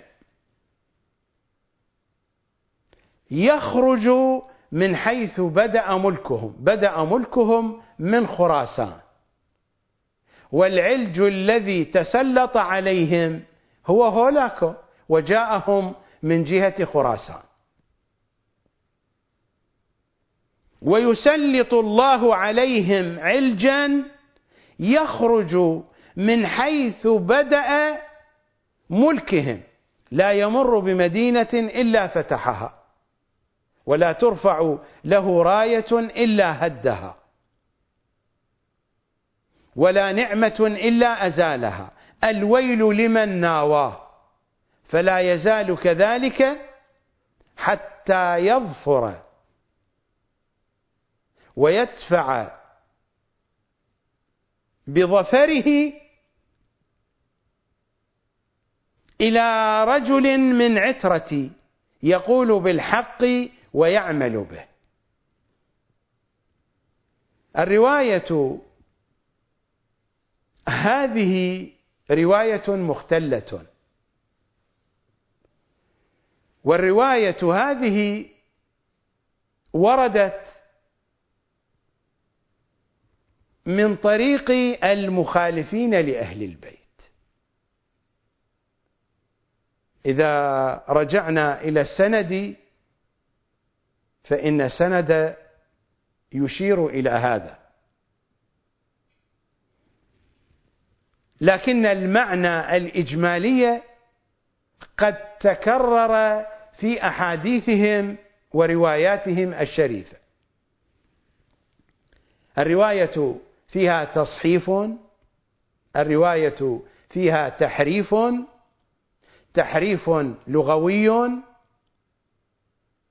وتحريف معنوي وفيها تصحيف واضح لكنها بالإجمال تتوافق مع سائر الروايات والأحاديث التي وردت عنهم. الذي أردت أن أشير إليه من أن الرواية تتحدث عن العباسيين القدماء. ووجود العباسيين القدماء معروف لدينا جميعا. لا حاجة لأن أذكر لكم أدلة على وجودهم ووجود دولتهم.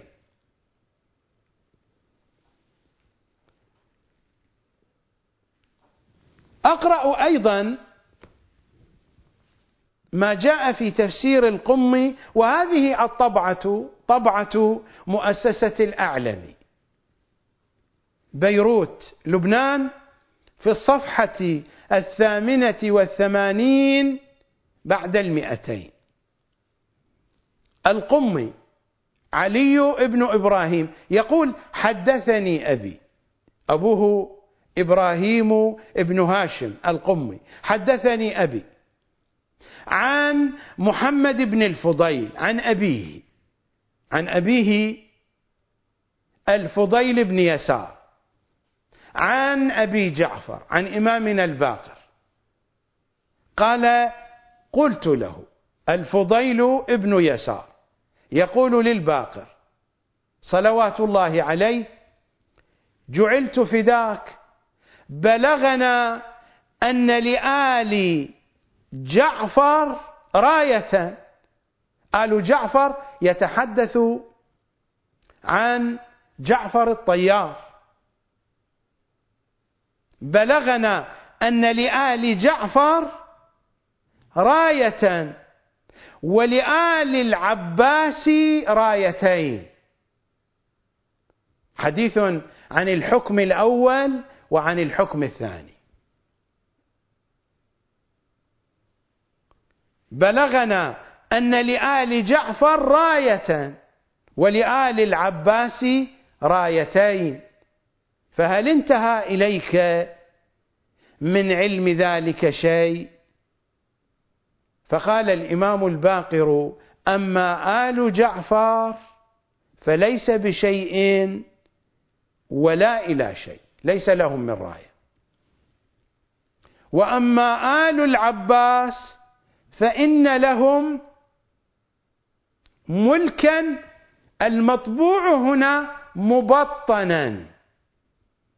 لكن الصحيح مبطئا. المصادر القديمة والنسخ القديمة. النسخ القديمة لهذا التفسير جاء فيها مبطئا وليس مبطنا. المصادر القديمة التي نقلت عن التفسير أيضا جاء فيها مبطئا. وأما آل العباس فإن لهم ملكا مبطئا. يقربون فيه البعيد ويبعدون فيه القريب. مبطئا يعني أن حكمهم أن ملكهم سيطول زمانه. وهذا هو الذي حصل في الحكم العباسي الأول. في الحكم العباسي الأول طال حكمهم. نذهب إلى فاصل.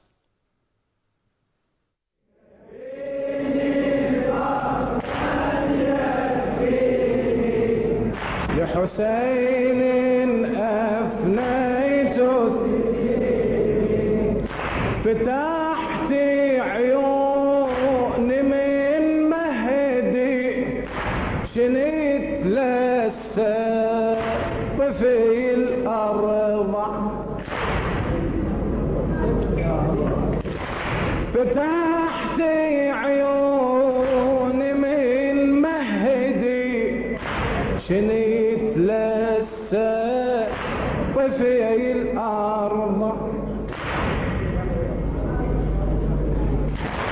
سمعت الناعين عحسين وأصوات النعي تفجع. وشفت كل الذي حولي نواظرهم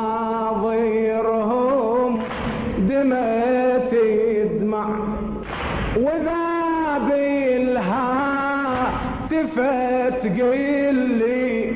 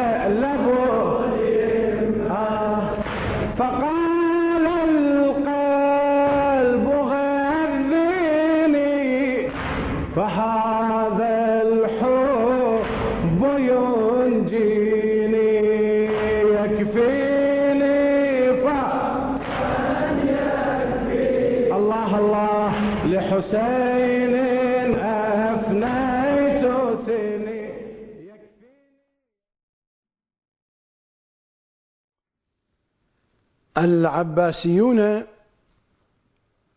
حكمهم الأول استمر قرونا. ومن هنا فإن الإمام يقول فإن لهم ملكا مبطئا.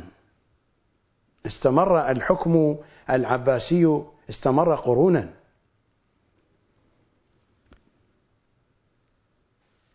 وأما آل العباس فإن لهم ملكا مبطئا يقربون فيه البعيد ويبعدون فيه القريب. وهذه القضية واضحة. بقي الحكم العباسي بيد القوميات المختلفة والمتنوعة.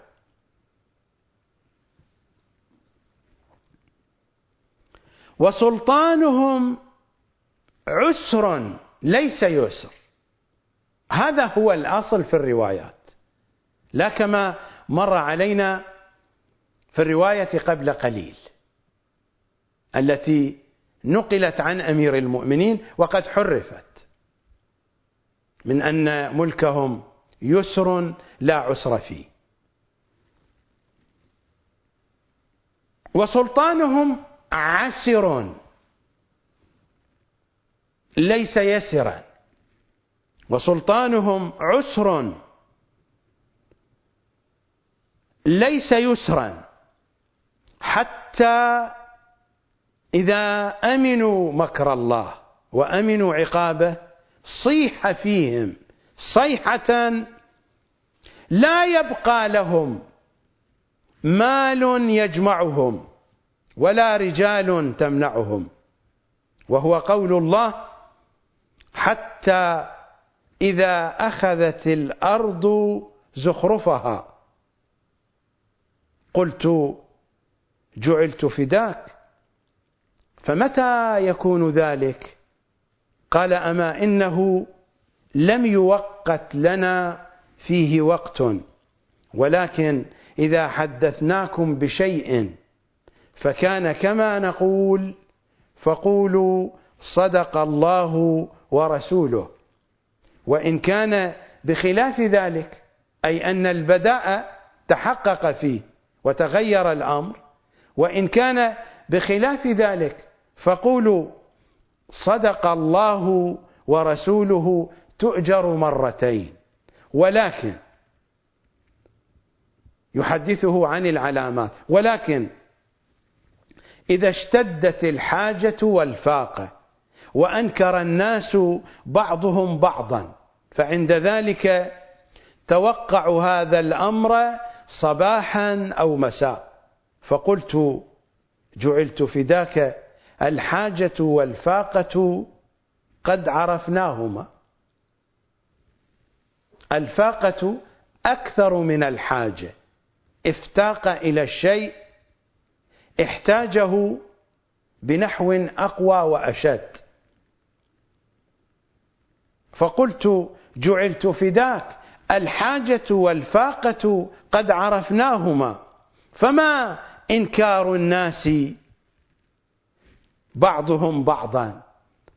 قال يأتي الرجل أخاه في حاجة فيلقاه بغير الوجه الذي كان يلقاه فيه ويكلمه بغير الكلام الذي كان يكلمه حينما لم يكن محتاجا إليه. أنا لا أريد أن أقف عند كل الروايات وعند كل التفاصيل. ولا أريد أن أعلق على كل كلمة في هذه الروايات. إنما أريد أن أقول لكم من أن الروايات والأحاديث أخبرتنا عن راية أولى للعباسيين وأخبرتنا عن راية ثانية. الحديث الذي قرأته عليكم قبل قليل عن أمير المؤمنين والذي كان فيه تحريف وتصحيف حدثنا عن الراية الأولى. هذا الحديث الذي جاء في تفسير القمي حدثنا عن رايتين. لأن الفضيل ابن يسار حينما سأل الإمام عن راية آل جعفر. الإمام قال له أما آل جعفر فليس بشيء ولا إلى شيء. وسؤال الفضيل ابن يسار عن رايتين للعباسيين. الإمام ما نفى ذلك وإنما حدثه عن حكم العباسيين.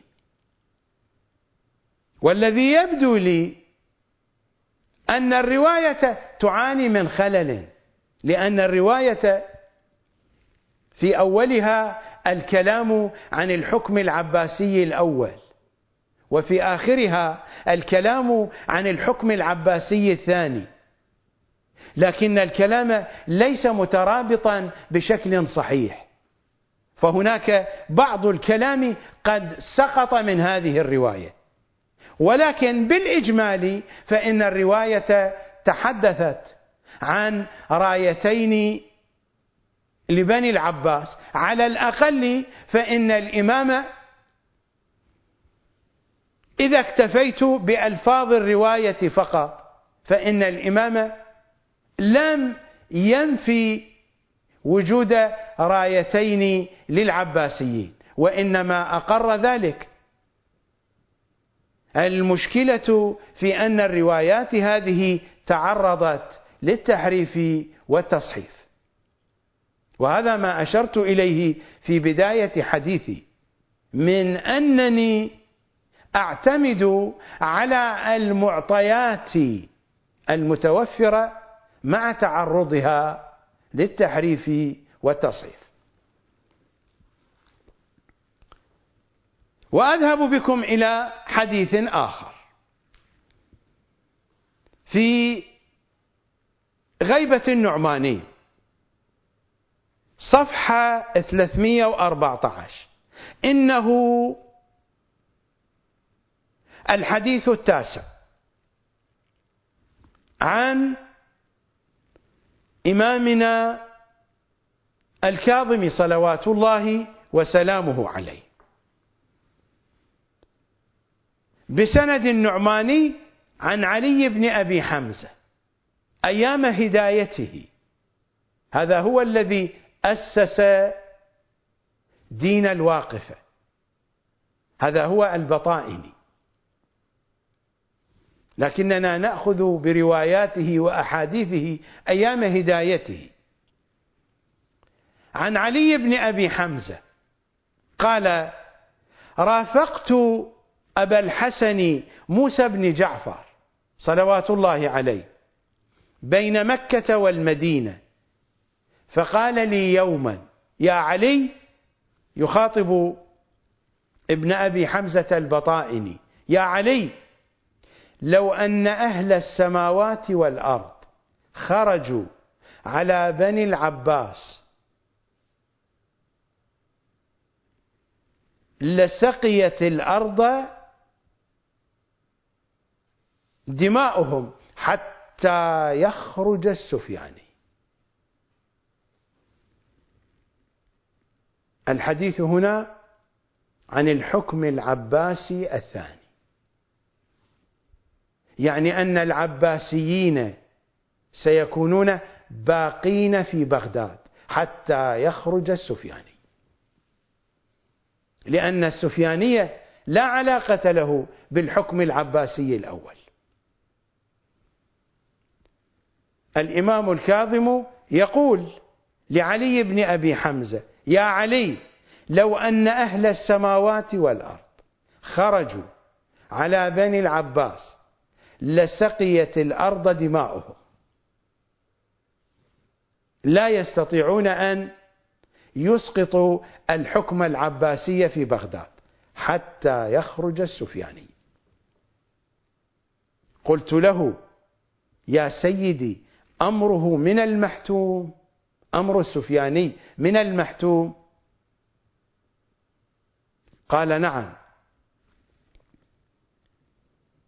ثم أطرف هنيئة أطرف وأطرق هنيئة بمعنى واحد. ثم أطرف هنيئة ثم رفع رأسه وقال ملك بني العباس مكر وخداع. يذهب حتى يقال لم يبق منه شيء. يكاد أن يسقط. ثم يتجدد حتى يقال ما مر به شيء. ألا تلاحظون أن هذا المضمون يجري في العراق منذ سنة 2003 وإلى الآن. هذا المضمون يجري وسيبقى يجري إلى ظهور السفياني. الروايات هكذا تقول. أنا لا أقتصر الكلام على الرواية هذه. كل الروايات تقول بهذه الحقيقة. أقرأ الرواية مرة أخرى عليكم. ابن أبي حمزة البطائني يقول رافقت أبا الحسن موسى بن جعفر بين مكة والمدينة فقال لي يوما يا علي لو أن أهل السماوات والأرض خرجوا على بني العباس لسقيت الأرض دماؤهم حتى يخرج السفياني. قلت له يا سيدي أمره من المحتوم قال نعم ثم أطرف هنيئة ثم رفع رأسه. وقال ملك بني العباس مكر وخداع. ضعوا العديد من الخطوط الحمراء تحت هذه الجملة. ملك بني العباس مكر وخداع. يذهب حتى يقال لم يبق منه شيء. ثم يتجدد حتى يقال ما مر به شيء.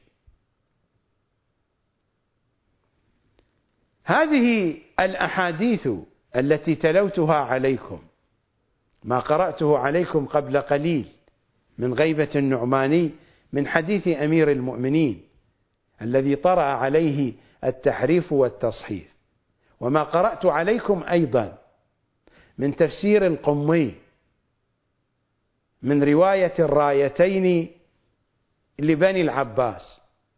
وما جاء في هذه الرواية التي قرأتها عليكم من غيبة النعماني. وهناك روايات أخرى وستأتينا أحاديث أخرى. هذه الروايات بمجموعها تحدثنا عن وجود حكمين للعباسيين.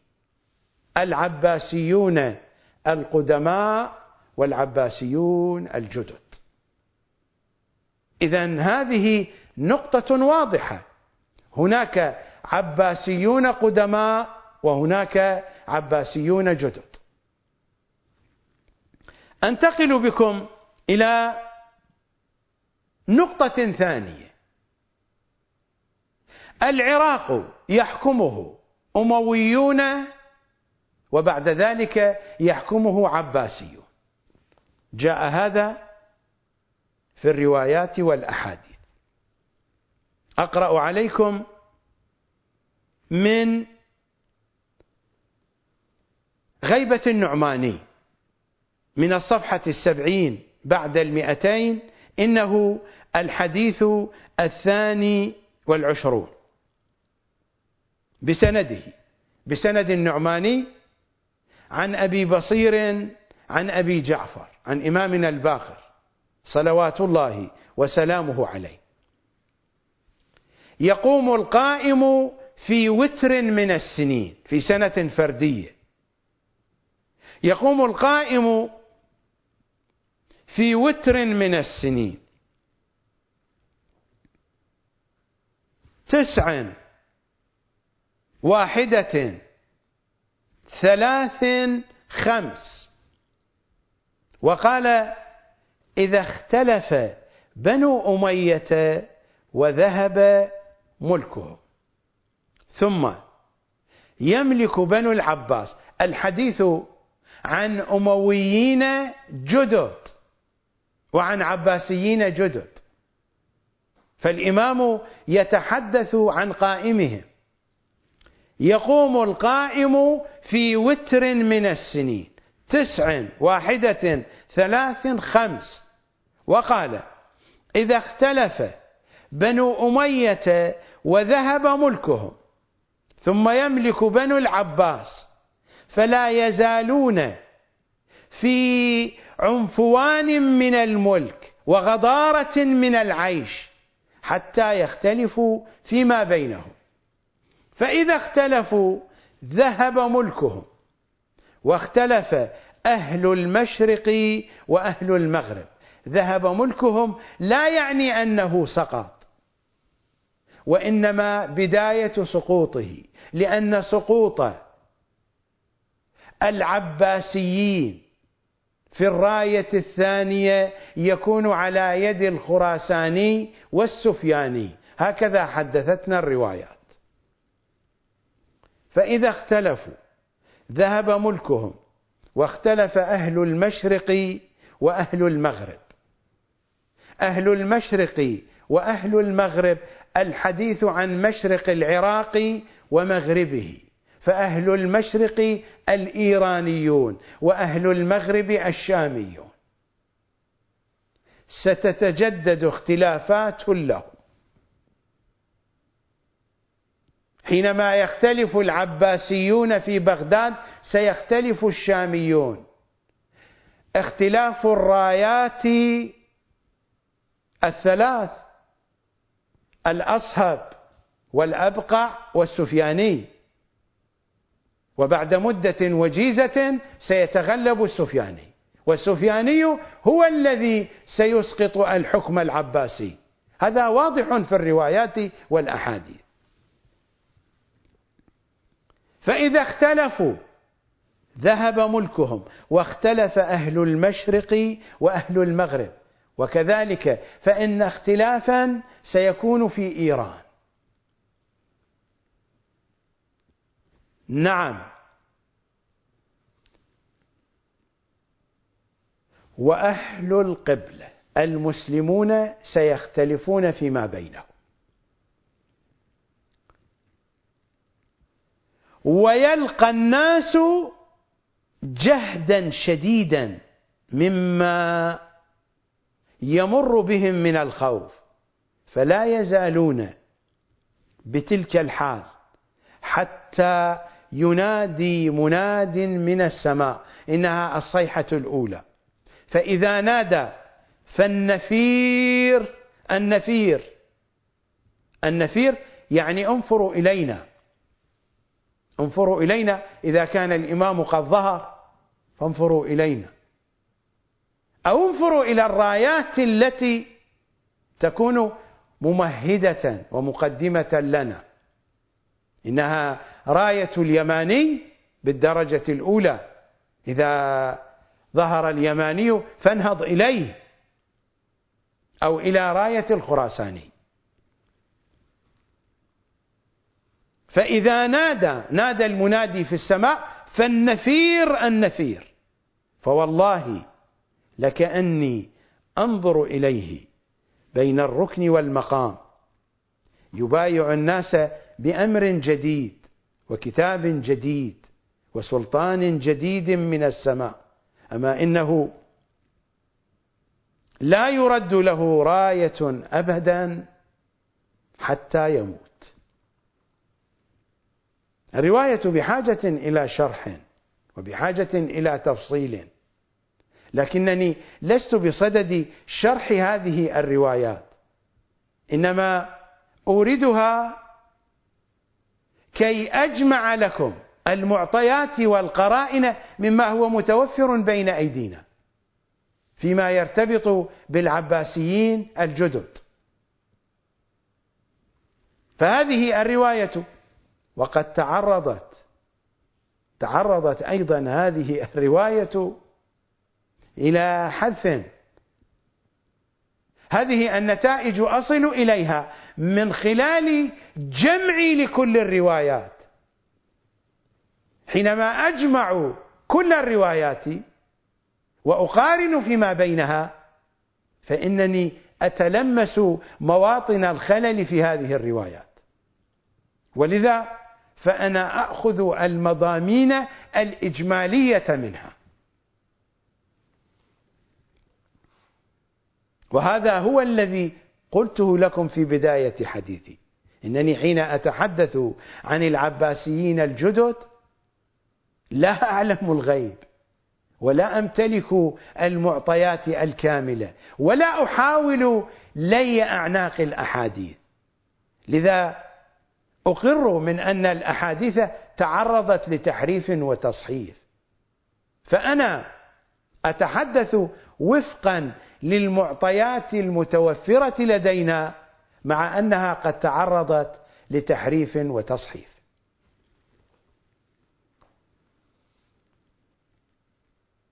الرواية واضحة تتحدث عن الحكم العباسي الثاني الذي يكون مسبوقا بحكم أموي. إذا اختلف بنو أمية وذهب ملكهم واختلاف البعثيين إذا قلنا من أن البعثيين هم بنو أمية وأنا أعتقد هذا أعتقد هذا من خلال المعطيات المتوفرة لا على أساس علم الغيب. يعني يبقى الكلام محدودا بحدود المعطيات المتوفرة. لو توفرت معطيات جديدة فإن المضامين تتغير. لكنني محكوم بما هو متوفر لدي من المعطيات. البعثيون متى بدأ سقوطهم؟ حينما اختلفوا. حينما خرج أصهار صدام إلى الأردن. حسين كامل وحكاية حسين كامل. بدايات السقوط من هنا بدأت في داخل بنيتهم في داخل البنية البعثية الصدامية. إذا اختلف بنو أمية وذهب ملكهم. وجود الواو هنا تشير إلى أن ذهاب ملكهم لم يكن بشكل مباشر مع الاختلاف وإنما سيأتي بعد ذلك. إذا اختلف بنو أمية وذهب ملكهم بعد ذلك. ثم يملك بنو العباس مرحلة جديدة فلا يزالون في عنفوان من الملك وغضارة من العيش العباسيون وليس الناس. ما هم حكام بغداد الآن هذا حالهم في عنفوان من الملك وغضارة من العيش حتى يختلفوا فيما بينهم. فإذا اختلفوا ذهب ملكهم. بدايات ذهاب ملكهم حينما اختلفوا وقد اختلفوا. هذه البدايات. أنا لست مهتما بوجودهم. أنا مهتم بالسفياني لأن السفيانية العلامة الأهم. فإن اختلافهم علامة على ذهاب ملكهم.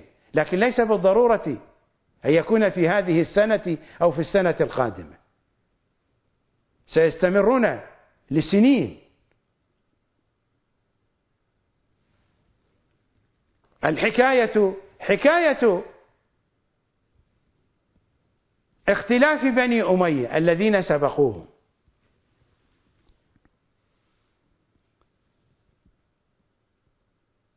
ثم يملك بنو العباس فلا يزالون في عنفوان من الملك وغضارة من العيش حتى يختلفوا فيما بينهم. فإذا اختلفوا ذهب ملكهم. بعد اختلافهم سيكون هناك اختلاف في المشرق والمغرب. اختلاف في إيران واختلاف في الشام وسوريا وفلسطين والأردن والاختلاف قائمة على قدم وساق في هذه البلدان. في سوريا وفي لبنان وفي فلسطين. اختلافات بين اليهود والعرب. اختلافات بين اليهود أنفسهم. اختلافات بين العرب أنفسهم. اختلافات بين الإسلاميين أنفسهم. اختلافات بين غير الإسلاميين أنفسهم. أتحدث عن الفلسطينيين. الاختلافات في كل مكان. فإذا اختلفوا العباسيون الجدد ذهب ملكهم واختلف أهل المشرق وأهل المغرب إلى آخر الكلام. لكن الرواية تتحدث في آخرها فوالله لكأني أنظر إليه بين الركن والمقام. صلوات الله وسلامه عليه. أجواء الرواية هي في الظهور. بدايتها يقوم القائم في وتر من السنين. آخر الرواية فوالله لكأني أنظر إليه. بين الركن والمقام يبايع الناس بأمر جديد إلى آخر الرواية. إذا الحديث عن الأمويين هنا عن الأمويين في المرحلة الثانية وعن العباسيين في المرحلة الثانية عن العباسيين الجدد. إذا اختلف بنو أمية وذهب ملكهم ذهب ملكهم. ثم يملك بنو العباس فلا يزالون في عنفوان من الملك وغضارة من العيش حتى يختلفوا فيما بينهم. فإذا اختلفوا ذهب ملكهم واختلف أهل المشرق وأهل المغرب. وقت الحلقة انتهى الحديث مهم جدا. سأكمله لكم في حلقة يوم غد إن شاء الله تعالى. أسألكم الدعاء جميعا في أمان الله.